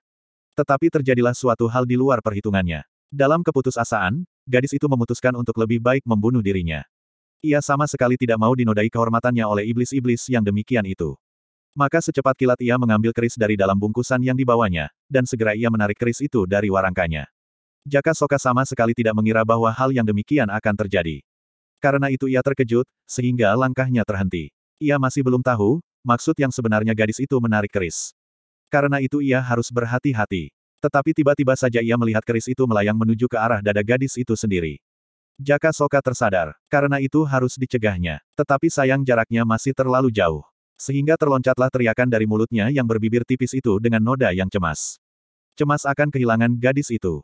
Jangan, jangan lakukan itu. Tetapi teriakannya itu menggetar tanpa sesuatu pengaruh apa pun atas gadis yang sudah bertekad untuk mati daripada jatuh di tangan bajak laut yang berwajah tampan itu. Tiba-tiba tampaklah sebuah bayangan melontar dengan cepatnya menyambar pergelangan tangan gadis itu, sehingga keris yang digenggamnya tidak sampai menembus dadanya. Gadis itu terkejut bukan kepalang. Demikian juga semua yang menyaksikan. Bahkan Jaka Soka dan Lawa Ijo pun menjadi terkejut dan heran melihat orang dapat bergerak demikian cepatnya. Itulah Mahesa Jenar yang telah mencoba untuk menyelamatkan jiwa gadis cantik itu. Dan sekaligus keris itu pun telah berpindah ke tangannya pula. Tetapi belum lagi debar jantung mereka berhenti, Kembali mereka terkejut, terutama Mahesa Jenar sendiri, Jaka Soka dan Lawa Ijo, ketika mereka melihat keris yang sekarang sudah berada di tangannya. Kiai Sigar Penjalin, desis mereka hampir bersamaan. Itulah nama keris yang dipegang oleh Mahesa Jenar. Keris yang berbentuk lurus. Satu sisinya melengkung hampir setengah lingkaran, sedangkan sisi yang lain datar seperti kebiasaan keris. Mirip seperti batang penjalin yang dibelah dua dan diruncingkan ujungnya. Yang mengejutkan mereka adalah, keris itu terkenal sebagai pusaka seorang sakti yang mempunyai nama sejajar dengan Pasing Singan yaitu Ki Ageng Pandan Alas dari Klurak Wanasaba. Demikian terkejutnya Mahesa Jenar sampai tangannya yang memegang keris itu gemetar. Maka setelah agak reda sedikit dan nafasnya mulai teratur, Mahesa Jenar berdiri dengan teguhnya memandang tajam kepada Jaka Soka. Apakah yang kau kehendaki dari gadis ini? Tanya Mahesa Jenar. Getar hati Jaka Soka sementara itu telah turun. Tetapi sekarang otaknya dihinggapi oleh suatu pertanyaan. Perantau tolol itu, kenapa tiba-tiba saja dapat berbuat sedemikian cepatnya, sehingga jiwa gadis cantik itu tertolong? Selain itu, Gadis itu ternyata memiliki keris Kiai Sigar Penjalin. Apakah hubungannya dengan Ki Ageng Pandan Alas? Jaka Soka berpaling kepada Lawa Ijo untuk mendapat pertimbangan. Ternyata Lawa Ijo pun pada saat itu sedang berpikir keras. Ia memandang keris sigar penjalin yang berada di tangan Mahesa Jenar itu tanpa berkedip. Baru setelah beberapa saat kemudian ia berkata, Jaka Soka, menurut pendapatku sebaiknya kita tidak membuka suatu persoalan dengan Ki Ageng Pandan Alas. Sebab dengan membawa keris sigar penjalin, gadis itu mempunyai hubungan dengan Ki Ageng Pandan Alas. Jaka Soka dalam hati kecilnya membenarkan juga keterangan Lawa Ijo itu. Sebab ia pun tahu bahwa Ki Ageng Pandan Alas termasuk orang yang aneh. Ia selalu berada di mana saja merantau dari satu tempat ke tempat lain. Namun demikian, ia sayang juga melepaskan gadis cantik yang sudah sekian lama diikutinya. Sebab dalam pengamatannya, belum pernah ia menemukan gadis secantik itu. Kalau kali ini ia tak berhasil membawanya pulang, maka seumur hidupnya belum tentu ia akan menjumpainya lagi. Sebaliknya, Gadis cantik itu sama sekali tidak menduga bahwa keris yang dibawanya mempunyai pengaruh yang sedemikian hebatnya. Ia sendiri belum pernah mendengar nama Ki Ageng Pandan Alas dari Klurak. Keris yang dibawanya adalah keris peninggalan ibunya pada saat ibunya menghembuskan nafas terakhir. Menurut ibunya, keris itu adalah keris kakeknya, seorang petani miskin yang pada saat itu sedang merantau mencari daerah baru yang lebih subur, yang barangkali dapat dipakai sebagai tempat tinggal yang baru. Dan menurut ibunya, kakeknya sekarang berada di desa Pliridan. Daerah antara hutan tambak baya dan beringan, bagian dari hutan Mentaok. Suatu daerah yang baru dibuka oleh beberapa orang, yang nampaknya subur untuk daerah pertanian. Lawa Ijo, kata Jaka Soka kemudian setelah berpikir sejenak. Memang aku sebenarnya segan terhadap orang tua itu. Tetapi menurut pikiranmu apakah ia mengetahui bahwa gadis itu aku bawa pulang ke Nusa Kambangan? Soka, jawab Lawa Ijo, pandan alas itu tidak ubahnya seperti hantu yang berada di mana saja, pada saat apa saja. Ia seolah-olah memiliki seribu mata dan seribu telinga yang bertebaran di seluruh tanah ini. Tetapi ternyata sekarang ia tak ada di tempat ini, potong Jaka Soka. Kau jangan berkeras membawa gadis itu, Soka. Meskipun seandainya pandan alas pada saat ini tidak melihat dan mengetahui, tetapi perbuatan itu kau lakukan di hadapan saksi-saksi yang pada suatu ketika pasti akan terdengar pula oleh hantu yang bertelinga seribu itu. Kalau sudah demikian halnya, kau tidak akan dapat lagi hidup tenteram dan berlindung di mana pun di dunia ini. Jaka Soka terdiam. Tampak alisnya berkerut-kerut. Tiba-tiba terdengarlah ia menjawab dengan jawaban yang sama sekali tidak terduga-duga. Semua yang mendengar menjadi terkejut, seperti tanah tempat mereka berpijak itu runtuh. Katanya dengan suara yang mantap, Lawa Ijo, kau benar. Memang aku seharusnya tidak berbuat itu di hadapan saksi-saksi. Karena itu maka akan aku bunuh semua orang yang menyaksikan peristiwa ini, kecuali kau. Baru mendengar kata-kata itu, dan belum lagi Jaka Soka berbuat sesuatu, orang-orang yang mendengarnya seolah-olah telah terbang nyawanya. Lawa Ijo yang matanya memancarkan sinar kebuasan dan kebengisan itu pun terkejut mendengar keputusan Jaka Soka untuk membunuh sekian banyak orang itu. Katanya memperingatkan, Jaka Soka, sebaiknya kau pikir masak-masak apa yang akan kau lakukan itu. Apalagi hal itu terjadi di daerah kuasaku. Lawa Ijo, kau tidak akan tersangkut dalam perkara ini. Dan percayalah, bahwa apabila tak seorang pun yang hidup di antara orang-orang ini, maka bagaimanapun tajamnya telinga pandan alas, ia tak mungkin dapat mendengarnya. Tampaklah dahi Lawa Ijo berkerut. Rupa-rupanya ia berpikir keras. Tetapi bagaimanapun, ia tetap tidak dapat mengerti jalan pikiran Jaka Soka. Mengorbankan sekian banyak orang hanya untuk mendapatkan seorang gadis. Seandainya taruhan itu untuk memperebutkan sebuah pusaka atau harta benda yang tak ternilai, agaknya Lawa Ijo masih dapat mengertinya. Mereka yang mendengarkan percakapan itu, hatinya diliputi oleh suasana ketegangan yang hebat. Mereka mengharap Lawa Ijo tetap pada pendiriannya, tak mengizinkan Jaka Soka berbuat demikian kejamnya hanya untuk memanjakan nafsunya. Mereka rela andai kata kemudian Lawa Ijo merampas segala harta benda mereka, asal nyawa mereka diselamatkan. Bahkan ada di antaranya yang mulai menyesali gadis cantik itu di dalam hatinya. Sebab, karena gadis itulah maka nyawa mereka terancam untuk dikorbankan. Sampai beberapa saat Lawa Ijo tidak berkata-kata. Ia menjadi bimbang. Sebenarnya lebih baik baginya untuk tidak menambah lawan. Apalagi seorang sakti seperti Ki Ageng Pandan Alas. Tetapi untuk menolak permintaan Jaka Soka pun akan mempunyai akibat yang tak menyenangkan. Sebab ia tahu betul tabiat kawannya ini. Semua kehendaknya harus dapat terlaksana. Apalagi kalau ia sedang tergila-gila kepada seorang gadis. Bagaimanapun kejamnya Lawa Ijo, namun tak akan terlintas dalam pikirannya untuk berbuat demikian, hanya untuk seorang gadis. Sebab ia sama sekali memang tidak pernah tertarik kepada gadis seperti itu. Baginya, gadis-gadis demikian hanyalah akan mempersulit diri saja. Lawa Ijo, sambung Jaka Soka ketika Lawa Ijo lama tak menjawab, seharusnya kau tak usah takut kepada Pandan Alas. Sebab Paman Pasingsingan tentu tidak akan tinggal diam andai kata Pandan Alas salah duga terhadapmu mengenai masalah ini. Mendengar desakan terakhir ini, Lawa Ijo tampak mengangguk-anggukkan kepalanya. Tetapi bagi mereka yang menyaksikan, anggukan kepala lawa ijo itu bagaikan melihat jatuhnya palu keputusan hukuman mati bagi mereka semua. Maka terjadilah kegemparan di antara mereka. Beberapa orang telah menangis merintih-rintih minta diampuni dan diselamatkan jiwanya. Mereka bersumpah untuk tidak membuka mulut tentang peristiwa ini kepada siapa pun. Beberapa orang lagi jatuh pingsan, dan yang lain menggigil ketakutan. Dalam keadaan yang demikian, terasalah kesetiakawanan mereka hancur lumat demi keselamatan masing-masing. Bahkan ada di antara mereka yang sampai hati terang-terangan mengumpati gadis yang sama sekali tak bersalah itu. Di dalam keributan itu, tiba-tiba gadis cantik itu berdiri tegak. Kepalanya terangkat dan dadanya menengadah. Lenyaplah kesan-kesan ketakutan dan kecemasan yang membayang di wajahnya. Dari mulutnya yang mungil itu terdengarlah suaranya yang gemetar. Saudara-saudara seperjalanan, aku minta maaf kalau kehadiranku di antara saudara-saudara menyebabkan saudara-saudara menemui kesulitan. Tetapi ketahuilah bahwa orang ini tidak akan berguna membunuh saudara-saudara sekalian, sebab aku telah memutuskan untuk bunuh diri. Kemudian gadis itu berpaling kepada Mahesa Jenar, katanya, Kisanak, aku berterima kasih kepadamu, atas usahamu menyelamatkan jiwaku. Tetapi adalah lebih berharga jiwa dari sekian banyak orang termasuk Kisanak sendiri, daripada aku seorang. Karena itu berikanlah keris itu kembali kepadaku. Sudah tentu Mahesa Jenar tidak dapat berpangku tangan menyaksikan semua itu terjadi. Ia telah berjanji kepada dirinya sendiri, mengabdikan diri bagi kedamaian hati rakyat dan kemanusiaan.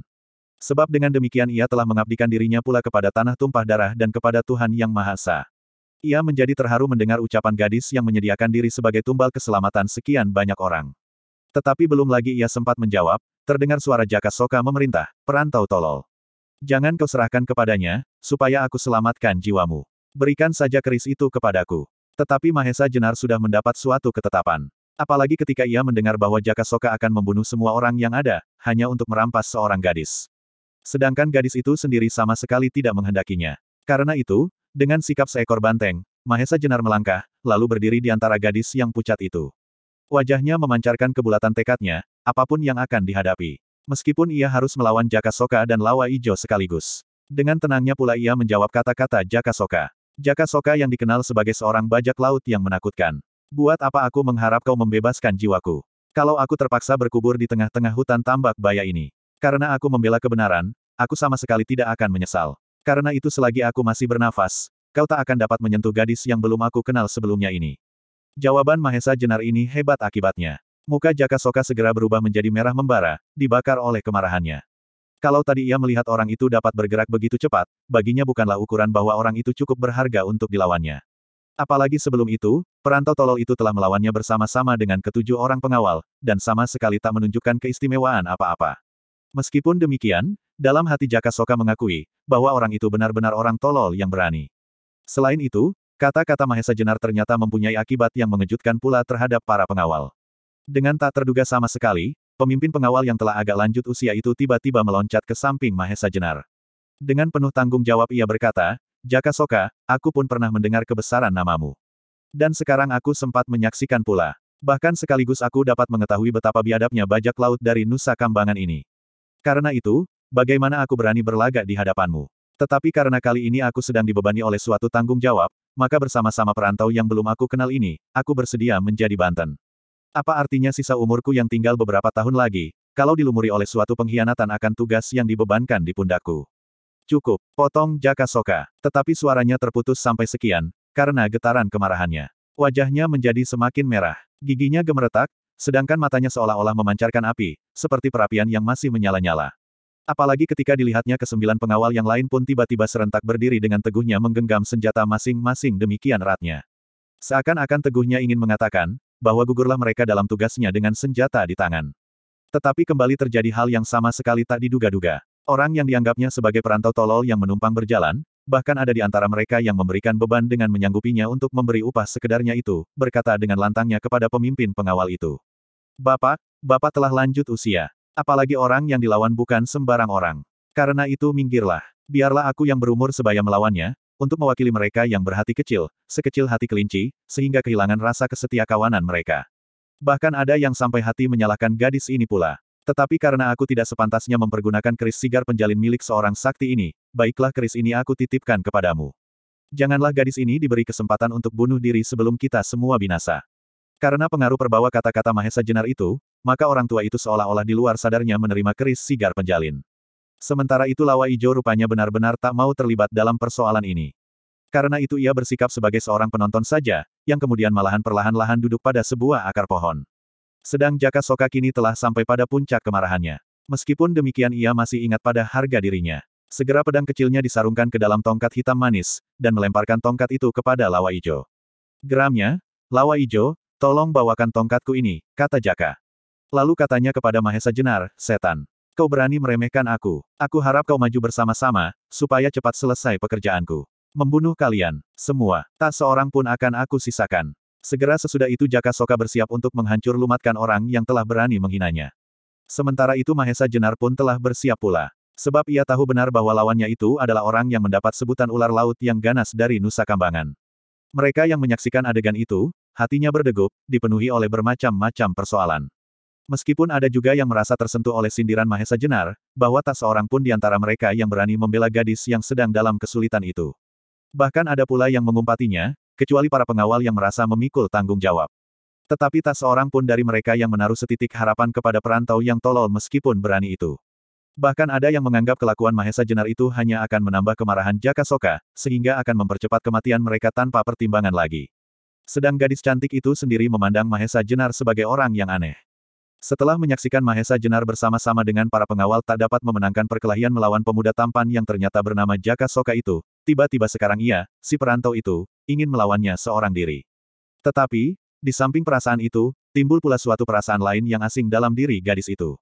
Suatu perasaan di mana ia ingin mendapatkan perlindungan dari orang yang aneh itu lebih daripada yang lain-lain, juga lebih daripada para pengawal itu sendiri, meskipun ia tidak tahu apakah orang itu akan dapat melakukannya. Sesaat kemudian, Kembali terdengar Jaka Soka menggeram hebat. Sebenarnya sayanglah tanganku ini dikotori oleh darah kelinci seperti tampangmu itu. Tetapi karena kau adalah kelinci yang paling tak tahu diri, maka terpaksa aku ingin menguliti tubuhmu. Kata-kata itu benar-benar menyeramkan. Tetapi lebih-lebih lagi ketika orang-orang itu melihat tangan ular laut itu menjulur dengan dahsyatnya ke arah tulang-tulang iga Mahesa Jenar. Rupanya Jaka Soka yang seakan sedang gila dibakar oleh kemarahannya itu, ingin membunuh lawannya dengan pukulan yang pertama. Mereka yang menyaksikan gerak Jaka Soka itu tersirat darahnya. Beberapa orang memejamkan matanya, sebab menurut dugaan mereka tulang-tulang iga perantau tolol itu segera akan rontok seluruhnya. Bahkan beberapa orang segera memegangi dada masing-masing, seolah-olah tulang iga merekalah yang akan lepas berderai-derai. Untunglah bahwa pada saat itu Mahesa Jenar telah benar-benar siap dan waspada. Sebab ia tahu bahwa lawannya bukanlah lawan biasa, tetapi ia adalah seorang pemuda yang mempunyai nama di kalangan aliran hitam. Meskipun demikian ia kagum juga melihat kegesitan ular laut itu. Melihat serangan yang datang dengan dahsyatnya, segera Mahesa Jenar dengan cepatnya pula mengelak ke samping. Seterusnya ia tidak mau membuang-buang waktu lagi. Karena itu, ketika ia berhasil membebaskan diri dari serangan pertama Jaka Soka, segera ia membuka serangan pula. Sebuah serangan dengan kakinya menyambar perut lawannya. Tetapi Jaka Soka bukan anak kemarin sore. Ketika ia merasa bahwa serangannya yang pertama gagal, segera ia mengubah sikapnya dan dengan satu gerakan melingkar ia berhasil mengelakkan serangan Mahesa Jenar. Sebaliknya Mahesa Jenar adalah seorang prajurit yang berpengalaman. Melihat lawannya menghindar, cepat-cepat ia memotong arah dan tahu-tahu ia sudah berada di muka Jaka Soka kembali, sekaligus menyerang dengan tangkasnya ke arah leher lawannya. Jaka Soka menjadi terperanjat bukan buatan. Apalagi sebelumnya ia memandang orang itu sebagai seorang yang tak berarti meskipun mempunyai cukup keberanian. Dengan demikian kewaspadaannya jadi berkurang. Karena itu, ketika dengan tak diduganya sama sekali lawannya itu dapat bergerak dengan lincahnya, ia tidak sempat mengelakkan diri. Mau tidak mau ia harus melawan serangan itu dengan sebuah pertahanan yang rapat, kalau ia tidak mau binasa. Karena itu terjadilah suatu benturan yang dahsyat. Mahesa Jenar telah mempergunakan sebagian besar tenaganya, sedangkan Jaka Soka pun telah mengerahkan kekuatannya pula. Akibatnya adalah hebat sekali. Tubuh Mahesa Jenar bergetar hebat dan ia terdorong surut ke belakang. Jaka Soka pun terlempar beberapa depa, dan kemudian meski sudah berusaha, ia tak berhasil menguasai keseimbangan tubuhnya. Sehingga ia jatuh beberapa kali berguling, barulah ia berhasil meloncat tegak kembali. Mengalami hal ini, dada Jaka Soka serasa akan pecah. Darahnya mendidih dan menggelagak sampai kepala. Ia sama sekali tidak mengira, bahwa lawannya, yang dalam pandangannya semula tidaklah lebih dari seekor kelinci yang tidak tahu diri itu, ternyata memiliki tenaga yang demikian dahsyatnya. Karena itu, matanya menjadi semakin menyala. Tahulah Jaka Soka sekarang, kenapa tadi ia sama sekali tidak berhasil membunuh seorang pun dari para pengawal yang mengeroyoknya. Rupanya orang ini tidak saja kebetulan menubruk kawan-kawannya, melemparnya dengan pasir pada saat tepat tongkatnya hampir menyambar korban, kemudian jatuh bergulingan menimpa beberapa orang yang dadanya hampir rontok oleh tongkatnya. Hal itu pastilah disengaja untuk menyelamatkan para pengawal itu. Sebab ternyata bahwa orang itu mempunyai kepandaian yang luar biasa. Sedang Mahesa Jenar sendiri pun terkejut pula mengalami benturan itu. Ternyata tenaga Jaka Soka pun dahsyat, sehingga ia tergetar surut. Dalam hal ini Mahesa Jenar sadar, bahwa Jaka Soka terlalu menganggapnya tak berarti, sehingga apabila Jaka Soka sungguh-sungguh menggempurnya dengan segenap kekuatan dan ilmunya, maka keadaannya pasti akan lain. Bahkan mungkin keadaannya akan berimbang. Sesaat kemudian, baik Jaka Soka maupun Mahesa Jenar telah mempersiapkan diri kembali untuk memulai perkelahian. Mereka berdua sadar, bahwa kekuatan mereka tidak terpaut banyak. Maka kunci kemenangan dari pertempuran ini terletak dalam kepandaian serta keprigelan mereka membawakan diri dalam keadaan-keadaan yang genting. Sebentar kemudian perkelahian itu segera mulai kembali dengan sengitnya. Cara berkelahi Jaka Soka itu benar-benar seperti ular. Melingkar, melilit lawannya dan mematuk dengan jari-jarinya demikian dahsyatnya. Geraknya cepat dan licin tak terduga-duga. Sedangkan Mahesa Jenar bersikap lebih tenang. Ia bertempur seperti seekor banteng yang teguh, kokoh dan tangguh. Ia tidak begitu banyak bergerak, tetapi demikian tubuhnya berkisar, menyambarlah udara maut berputar-putar. Maka berlangsunglah perkelahian itu demikian dahsyatnya. Mereka bergerak sambar menyambar di antara pepohonan hutan, sehingga terdengarlah suara berderak batang-batang patah kena sambaran tangan mereka yang keras bagaikan besi. Mereka yang menyaksikan pertempuran itu telah berlari-lari berpencaran. Sedang dalam otak mereka berkecamuk seribu satu pertanyaan mengenai diri perantau aneh itu. Setelah mereka menyaksikan betapa hebat tenaganya, serta betapa dahsyat caranya bertempur, mereka menjadi kebingungan. Adanya Jaka Soka di antara mereka, serta munculnya lawa ijo dengan tiba-tiba itu saja, telah cukup memeningkan kepala mereka. Apalagi keputusan Jaka Soka untuk membunuh mereka semua, karena mereka menyaksikan perbuatannya, menculik seorang gadis. Dan sekarang, tiba-tiba di hadapan mereka muncul seorang lagi, yang semula mereka anggap sama sekali tak berarti, tetapi ternyata dapat mengimbangi ketangkasan Jaka Soka. Karena itu, pastilah akan muncul pula sebuah nama di antara mereka yang akan mengejutkan pula. Nama orang yang mereka sangka perantau tolol itu. Di saat yang sedemikian tegangnya, di mana berputar-putar udara yang bernafaskan maut, pecahlah fajar di ujung timur. Cahayanya yang kuning kemerah-merahan melimpah ke persada bumi yang dipenuhi oleh segala macam pertentangan. Pertentangan-pertentangan yang mudah diselesaikan, pertentangan-pertentangan yang sulit diselesaikan, bahkan kadang-kadang terdapat pertentangan-pertentangan yang tak mungkin dipecahkan. Meskipun cahaya kemerahan itu masih begitu lemah untuk dapat menerangi pedalaman hutan yang lebat, tetapi berkas-berkas cahayanya yang menerobos dedaunan, sedikit banyak telah dapat pula menyibak gelapnya malam, dan mengurangi kepekatan rimba, menggantikan cahaya perapian yang telah terlalu lama padam. Maka makin lama semakin tampak jelaslah dua bayangan yang sedang mati-matian mengadu tenaga itu.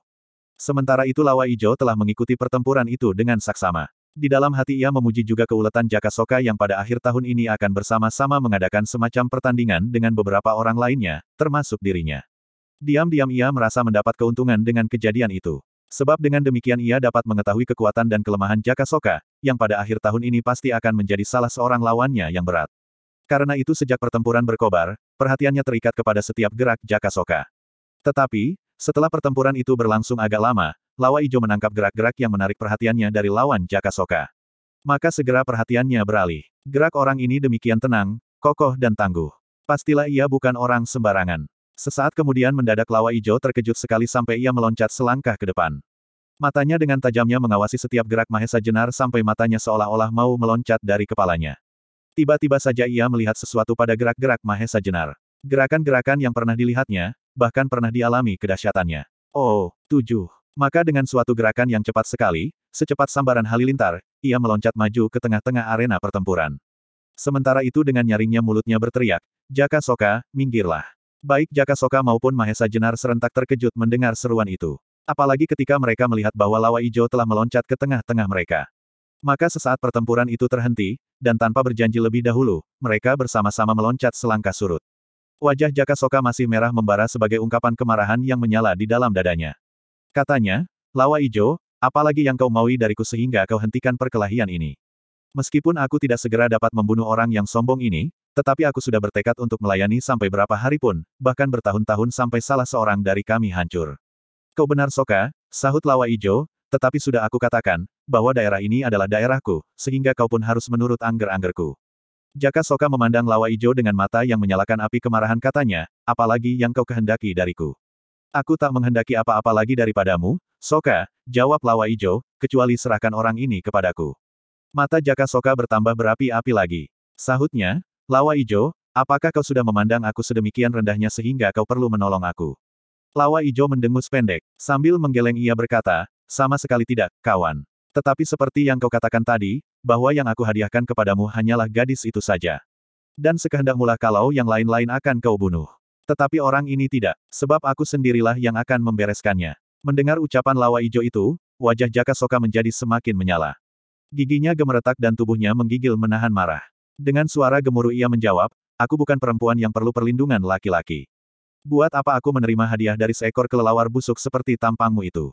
Lawa Ijo, jangan coba merendahkan aku. Meskipun wajah Lawa Ijo nampaknya jauh lebih buas dari wajah Jaka Soka yang tampan itu, namun ternyata kepala Lawa Ijo agak lebih dingin. Karena itu ia sama sekali tidak menunjukkan kegusarannya mendengar kata-kata Jaka Soka itu. Bahkan ia masih menjawab dengan tenang meskipun tampak pula kegarangannya. Jaka Soka, aku tidak peduli atas tanggapanmu terhadap permintaanku. Serahkan orang itu kepadaku, sebab aku mempunyai urusan yang lebih penting dari urusanmu. Urusanku menyangkut nama baik dan harga diri perguruanku, sedang urusanmu hanyalah urusan perempuan itu saja. Oleh keterangan Lawa Ijo yang terakhir itu, nyala kemarahan Jaka Soka menjadi surut. Sedang pancaran matanya yang berapi-api itu pun segera redup dan membayangkan keheranan. Tanyanya kemudian, kau katakan bahwa kau mempunyai urusan dengan orang ini perkara perguruanmu. Lawa Ijo mengangguk. Jaka Soka menjadi bertambah heran. Dan tanpa disengaja ia memandang Mahesa Jenar. Baru sekarang ia memperhatikan lawannya itu dengan saksama. Tubuhnya tegap kekar, dadanya bidang. Meskipun ia berwajah lunak, tetapi pandangan matanya memancarkan kecermelangan pribadinya. Pikirnya, pantas bahwa aku tak dapat menjatuhkannya. Siapakah orang ini? Pertanyaan itu demikian saja meluncur dari mulut Jaka Soka. Dan sekaligus semua telinga yang berada di sekitar arena itu segera memperhatikan. Sebab pertanyaan yang demikian itu timbul pula di setiap hati orang menyaksikan pertempuran itu. Bahkan di antara mereka telah timbul harapan baru, setelah mereka menyaksikan krida orang yang mereka anggap tidak lebih dari seorang perantau. Lebih-lebih sepasang suami istri yang telah merasa terlanjur menyuruh orang itu membawakan beban mereka. Maka semua perhatian pada saat itu tertambat pada mulut Lawa Ijo yang akan menjawab pertanyaan Jaka Soka. Sementara itu terdengarlah Lawa Ijo tertawa pendek. Kemudian barulah ia menjawab, Jaka Soka, jangan kau terkejut kalau aku mengucapkan nama orang ini. Ia adalah orang yang telah membunuh adik seperguruanku kemarin lusa. Watu Gunung. Dan yang tidak akan pernah aku lupakan, orang ini pernah pula melukai bagian dalam dadaku. Berdebarlah setiap jantung mereka yang mendengar kata-kata ini. Pastilah orang ini bukan orang sembarangan. Tidak terkecuali Jaka Soka. Sudah sejak lama ia mengenal Lawa Ijo. Dan pernah pula ia berkelahi melawan orang ini. Tetapi tak pernah salah seorang dari mereka berdua dapat mengatasi yang lain. Kalau orang ini pernah melukai Lawa Ijo pastilah ia memiliki kesaktian yang tinggi. Kemudian terdengarlah Lawa Ijo melanjutkan kata-katanya, sayang bahwa ia tidak bersikap perwira. Ia menyerang aku pada saat aku sedang meloncat turun dari atap gedung perbendaharaan Istana Demak. Hati Mahesa Jenar melonjak mendengar sindiran Lawa Ijo. Ia sama sekali tak mau menerima keterangan itu. Sebab pada saat ia menyerang Lawa Ijo, ia sedang berusaha untuk melindungi gajah alit yang justru diserang oleh Lawa Ijo dengan sikap yang tidak perwira. Kecuali Lawa Ijo tidak menyerang dari depan, juga pada saat itu gajah alit sedang dikerubut oleh tiga orang. Tetapi meskipun demikian ia tidak merasa perlu melayani fitnah itu. Karena itu ia diam saja. Dalam pada itu, Jaka Soka pun segera teringat bahwa memang Lawa Ijo pernah bercerita kepadanya, tentang luka yang dideritanya pada saat ia berusaha memasuki gedung perbendaharaan di Demak. Karena itu sebelum Lawa Ijo menyebut nama Mahesa Jenar, ia mendahului berteriak, Lawa Ijo, kalau demikian inikah orangnya yang bernama Mahesa Jenar dan bergelar Rangga Toh Jaya yang terkenal itu. Mendengar nama itu tergetarlah perasaan mereka yang pernah mengenal kebesarannya. Lebih-lebih para pengawal dan para pedagang yang datang dari pesisir utara.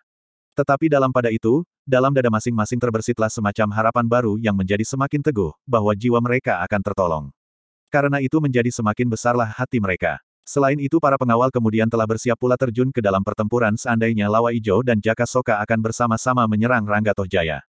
Tetapi rupanya Lawa Ijo tidak akan berbuat demikian. Jaka Soka, katanya, karena itulah aku minta kerelaanmu untuk membuat perhitungan dengan Rangga Jaya ini.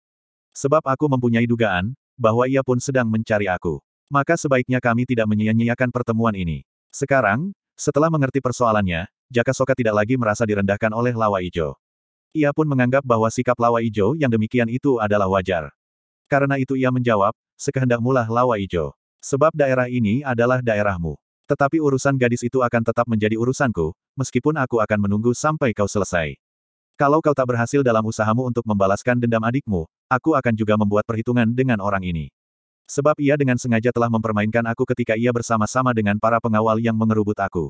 Bagus. Sekarang minggirlah, desis Lawa Ijo. Sesudah itu maka Lawa Ijo menghadap ke arah Mahesa Jenar. Matanya yang sudah memancarkan kekejaman serta kebengisan itu menjadi bertambah mengerikan. Toh Jaya, geram Lawa Ijo, bersiaplah. Aku akan membuat perhitungan. Mahesa Jenar tak menjawab sepatah kata pun. Mulutnya terkatup rapat, tetapi ia maju beberapa langkah mendekati Lawa Ijo dengan sikap yang meyakinkan dan penuh kepercayaan pada diri sendiri. Sementara itu, langit telah menjadi semakin cerah. Angin pagi yang bertiup lambat-lambat menggoyangkan daun-daun pepohonan dan membuat suara berdesir di antara cabang-cabangnya. Suaranya merintih, seolah-olah suara lagu yang mengiringi ratapan hati setiap orang yang menyaksikan permainan maut antara Mahesa Jenar yang bergelar Rangga Toh Jaya dengan Lawa Ijo. Dua orang yang sama-sama terkenal dari aliran yang berlawanan, yang pada saat itu sedang mengadakan perhitungan hutang pihutang nyawa. Namun betapa moleknya wajah pagi, tak seorang pun yang berada di sekitar arena pertempuran itu sempat memperhatikan. Bahkan tak seekor burung pun di tempat itu yang sempat berkicau menyambut datangnya matahari. Seperti Jaka Soka, Lawa Ijo pun tak akan merendahkan dirinya melawan Mahesa Jenar dengan mempergunakan senjata. Tetapi setelah ia mengembalikan tongkat hitam Jaka Soka, ia tidak menitipkan belati panjangnya, melainkan dengan kekuatan jari-jarinya, belatinya itu dipatahkan, dan kemudian dilemparkan jauh-jauh. Mau tidak mau, mereka yang menyaksikan pertunjukan itu hatinya terguncang. Segera setelah itu, maka dengan suatu suitan nyaring, Lawa Ijo mulai menyerang lawannya. Kedua tangannya direntangkan dan jari-jarinya siap merobek tubuh lawannya. Dengan suatu loncatan yang dahsyat, ia menyambar kepala Mahesa Jenar. Mahesa Jenar sadar bahwa apabila serangan ini mengenai sasarannya, maka ia yakin bahwa kepalanya akan dapat berlubang sedalam jari.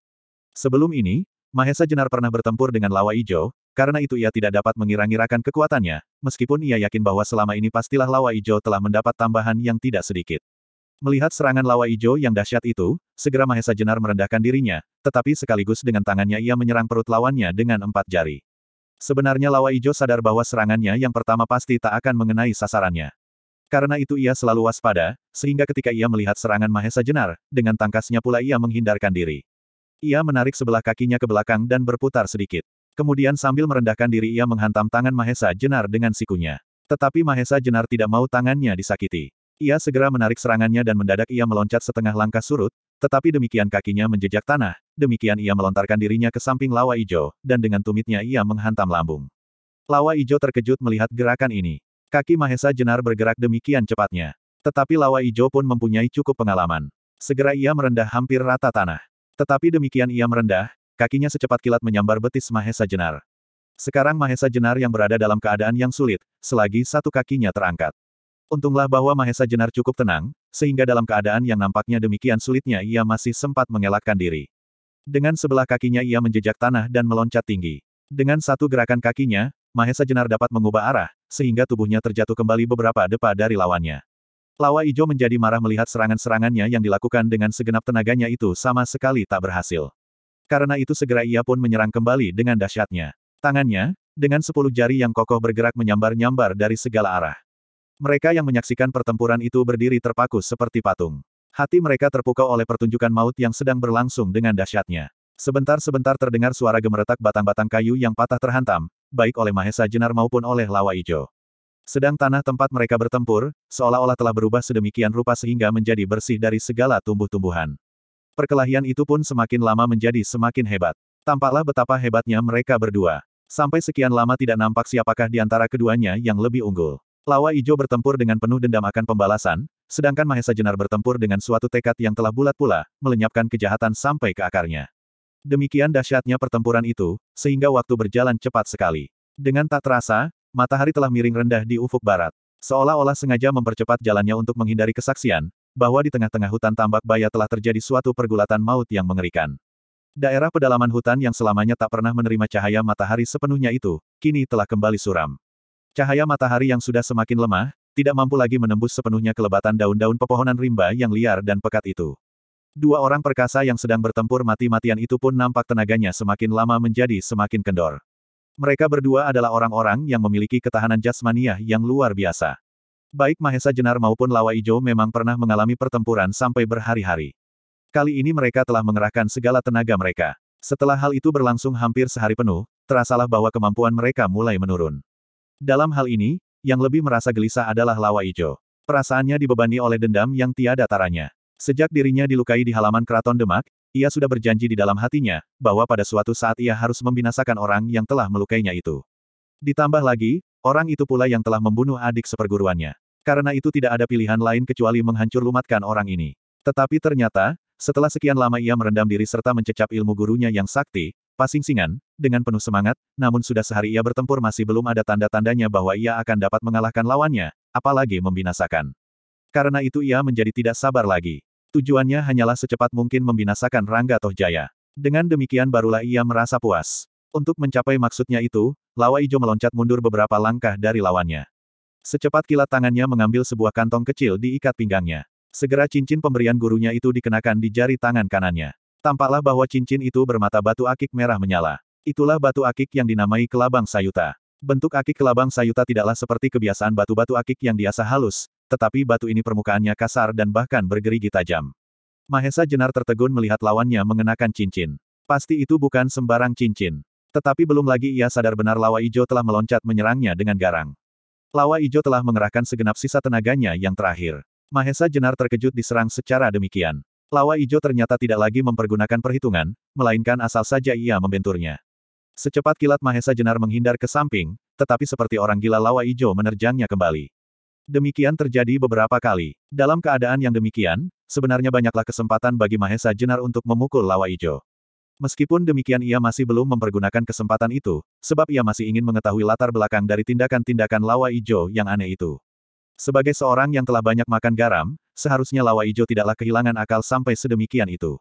Tetapi Mahesa Jenar tidak mempunyai kesempatan untuk banyak menduga-duga maksud lawannya. Sebab Lawa Ijo merangsang semakin hebat. Sehingga akhirnya terpaksa Mahesa Jenar melayani pula dengan segenap tenaganya. Maka pertempuran itu menjadi semakin seru dan aneh. Gerak lawa ijo menjadi semakin liar dan seolah-olah membabi buta namun tidak kurang pula berbahayanya. Akhirnya Mahesa Jenar tak dapat lagi menahan dirinya mengalami tekanan yang gila, kasar dan liar itu. Karenanya, ketika ia melihat suatu kesempatan, maka segera ia meloncat maju, dan dengan gerakan yang dahsyat ia menghantam pelipis lawannya. Melihat serangan yang demikian hebatnya, Lawa Ijo sama sekali tak berusaha menghindarkan diri. Memang kesempatan yang demikianlah yang ditunggunya setelah sekian lama ia berusaha membentur tubuh lawannya, tetapi belum berhasil. Dengan mengerahkan segala sisa tenaganya yang ada, Lawa Ijo melawan dengan sebuah pukulan yang dahsyat pula, menghantam tangan Mahesa Jenar. Maka terjadilah suatu benturan yang mengerikan. Mulutnya menyeringai menahan sakit, seolah-olah menjalar ke seluruh bagian tubuhnya. Sendi-sendi tulangnya seakan-akan copot dari sambungannya. Sesaat pandangannya jadi kabur berputar-putar. Sementara itu mereka yang menyaksikan perkelahian dahsyat itu, darahnya serasa berhenti mengalir, ketika mereka melihat keadaan Mahesa Jenar. Mereka menyaksikan suatu keadaan yang tak terduga-duga. Pada saat terjadi benturan, tubuh Mahesa Jenar tergetar hebat, sehingga ia terlempar beberapa langkah dan jatuh terguling pula. Tetapi, ketika Mahesa Jenar berusaha untuk meloncat berdiri, tiba-tiba tangan kanannya terasa pedih tak terhingga. Ketika ia mengamati tangan itu, ternyata terdapat sebuah goresan kecil. Itulah luka akibat batu akik kelabang sayuta. Seterusnya, tidak hanya rasa pedih itu saja, tetapi tiba-tiba mengalirlah rasa dingin yang seakan-akan menjalar menurut peredaran darahnya ke seluruh tubuh, sehingga tubuhnya menjadi gemetar dan seakan-akan beku. Wajah Mahesa Jenar segera berubah menjadi pucat seputih mayat. Jaka Soka yang selama itu, dengan enaknya melihat perkelahian itu, menjadi keheran-heranan juga menyaksikan akibat dari benturan itu.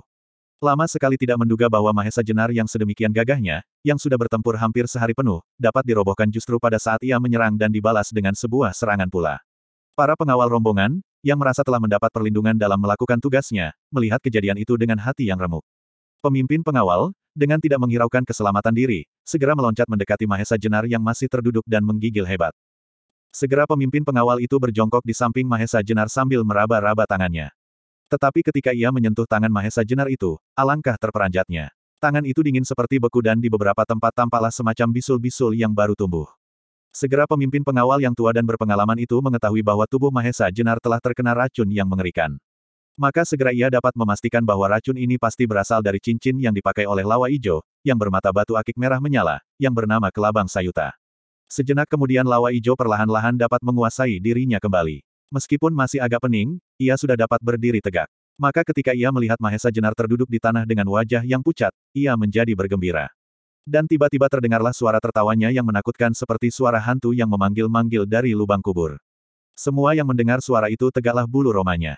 Kekalahan Mahesa Jenar berarti nyawa mereka akan lenyap. Sebab Jaka Soka telah mengambil keputusan untuk menghilangkan jejak penculiknya. Demikian juga hati pengawal tua yang menahan tubuh Mahesa Jenar yang lemas itu. Ia menjadi sangat sedih. Bukan karena takut menghadapi kematian yang sudah membayang di matanya, tetapi hatinya menjadi pedih sekali bahwa kemungkinan besar jiwa Mahesa Jenar, seorang pahlawan yang tanpa menghiraukan dirinya sendiri telah berusaha menyelamatkan rombongan yang sebenarnya menjadi tanggung jawabnya, tak akan tertolong lagi. Lebih-lebih ketika diingatnya bahwa Lawa Ijo telah melakukan perbuatan yang curang dan keji, dengan mempergunakan racun yang keras sekali untuk menumbangkan lawannya. Maka, Hati pengawal tua itu serasa menyala dibakar oleh kemarahan. Ia sudah mengambil keputusan untuk melawan sampai mati. Seperti serangga menjelang api. Tetapi ketika ia akan bangkit dan melawan dengan mengamuk sejadi-jadinya, tiba-tiba terasa hawa yang hangat mengalir dalam tubuh Mahesa Jenar. Mahesa Jenar terkejut, tetapi ia tetap menahan dirinya. Hawa yang hangat itu ternyata mengalir semakin deras dan bahkan hampir mencapai titik panas tubuh yang wajar. Timbuloh berbagai pertanyaan dalam dirinya. Apakah yang akan terjadi dengan Mahesa Jenar ini? Sebentar kemudian bahkan panas itu dengan cepat naik melampaui batas panas tubuh yang biasa. Hal ini menjadikan pengawal tua itu semakin bingung. Apalagi sampai sekian lama Mahesa Jenar sendiri seolah-olah pingsan dan tidak bergerak sama sekali. Memang Mahesa Jenar pada saat itu sedang kehilangan tenaga. Batu akik kelabang sayuta itu mempunyai kekuatan mirip dengan bekerjanya racun. Bahkan hampir sekuat racun bisa ular gundala wereng. Sehingga tubuh yang dikenainya, meskipun hanya segores kecil, akan menjadi bengkak-bengkak seperti ditumbuhi oleh beribu-ribu bisul. Kemudian tubuh itu akan lemas dan mengalami kelumpuhan menyeluruh, dan akhirnya disusul dengan kematian, dalam waktu yang singkat. Tetapi, ketika kekuatan akik kelabang sayuta itu sedang bekerja di dalam tubuh Mahesa Jenar dengan mengikuti peredaran darah, tiba-tiba terjadilah suatu benturan yang dahsyat di dalam tubuh itu. Sebab pada saat itu, ketika tersentuh rangsangan dari luar, bisa ular gundala seta yang ada dalam tubuhnya mulai bekerja pula. Dalam pergolakan itu timbullah panas, sehingga tubuh Mahesa Jenar menjadi melampaui titik panas yang wajar. Bisa ular gundala seta mempunyai khasiat yang luar biasa. Lebih-lebih ular ini adalah senjata Wisnu untuk melawan kala, lambang dari keangkara murkaan. Maka sedikit demi sedikit bisa ular gundala seta yang memang sudah ada di dalam tubuh Mahesa Jenar itu mendesak lawannya, menawar racun akik ke labang sayuta. Dengan demikian tubuh Mahesa Jenar menjadi berangsur-angsur baik kembali. Meskipun demikian Mahesa Jenar adalah orang yang cerdik. Ia tidak segera menunjukkan keadaan itu. Sebab apabila sampai diketahui bahwa ia berangsur-angsur baik, tidak mustahil Lawa Ijo akan segera bertindak membinasakannya sekaligus. Dalam hal yang demikian ia masih saja berpura-pura tidak sadarkan diri dan membiarkan tubuhnya ditahan oleh pengawal tua itu. Lawa Ijo, dengan dada menengadah, memandang tubuh Mahesa Jenar. Matanya memancarkan kepuasan hatinya. Ia tertawa berkepanjangan sampai Jaka Soka membentaknya, Hai kelelawar hijau yang busuk. Jangan kau tertawa demikian. Aku bisa jadi pening mendengar suaramu yang memuakkan itu. Tetapi Lawa Ijo sama sekali tak mendengarnya. Ia sedang menikmati kemenangannya. Katanya, Soka, lihatlah. Orang ini yang diagung-agungkan oleh prajurit Demak. Di sini ia menjumpai kematian sedemikian nistanya. Dan tak seorang pun akan sempat menguburnya. Apalagi dengan suatu upacara keprajuritan, diiringi dengan tunggul-tunggul dan panji-panji. Sebab orang-orang lain pun segera akan mengalami nasib yang sama karena tanganmu. Jaka Soka merasa diperingatkan akan tugasnya. Segera ia pun tersenyum aneh, sedangkan matanya yang redup membayangkan tuntutan maut yang mengerikan. Katanya, bagus, Lawa Ijo. Kita akan sama-sama menikmati kemenangan. Dan tak seorang pun dapat menahan aku membawa gadis cantik itu pulang ke Nusa Kambangan, jawab Jaka Soka. Oh,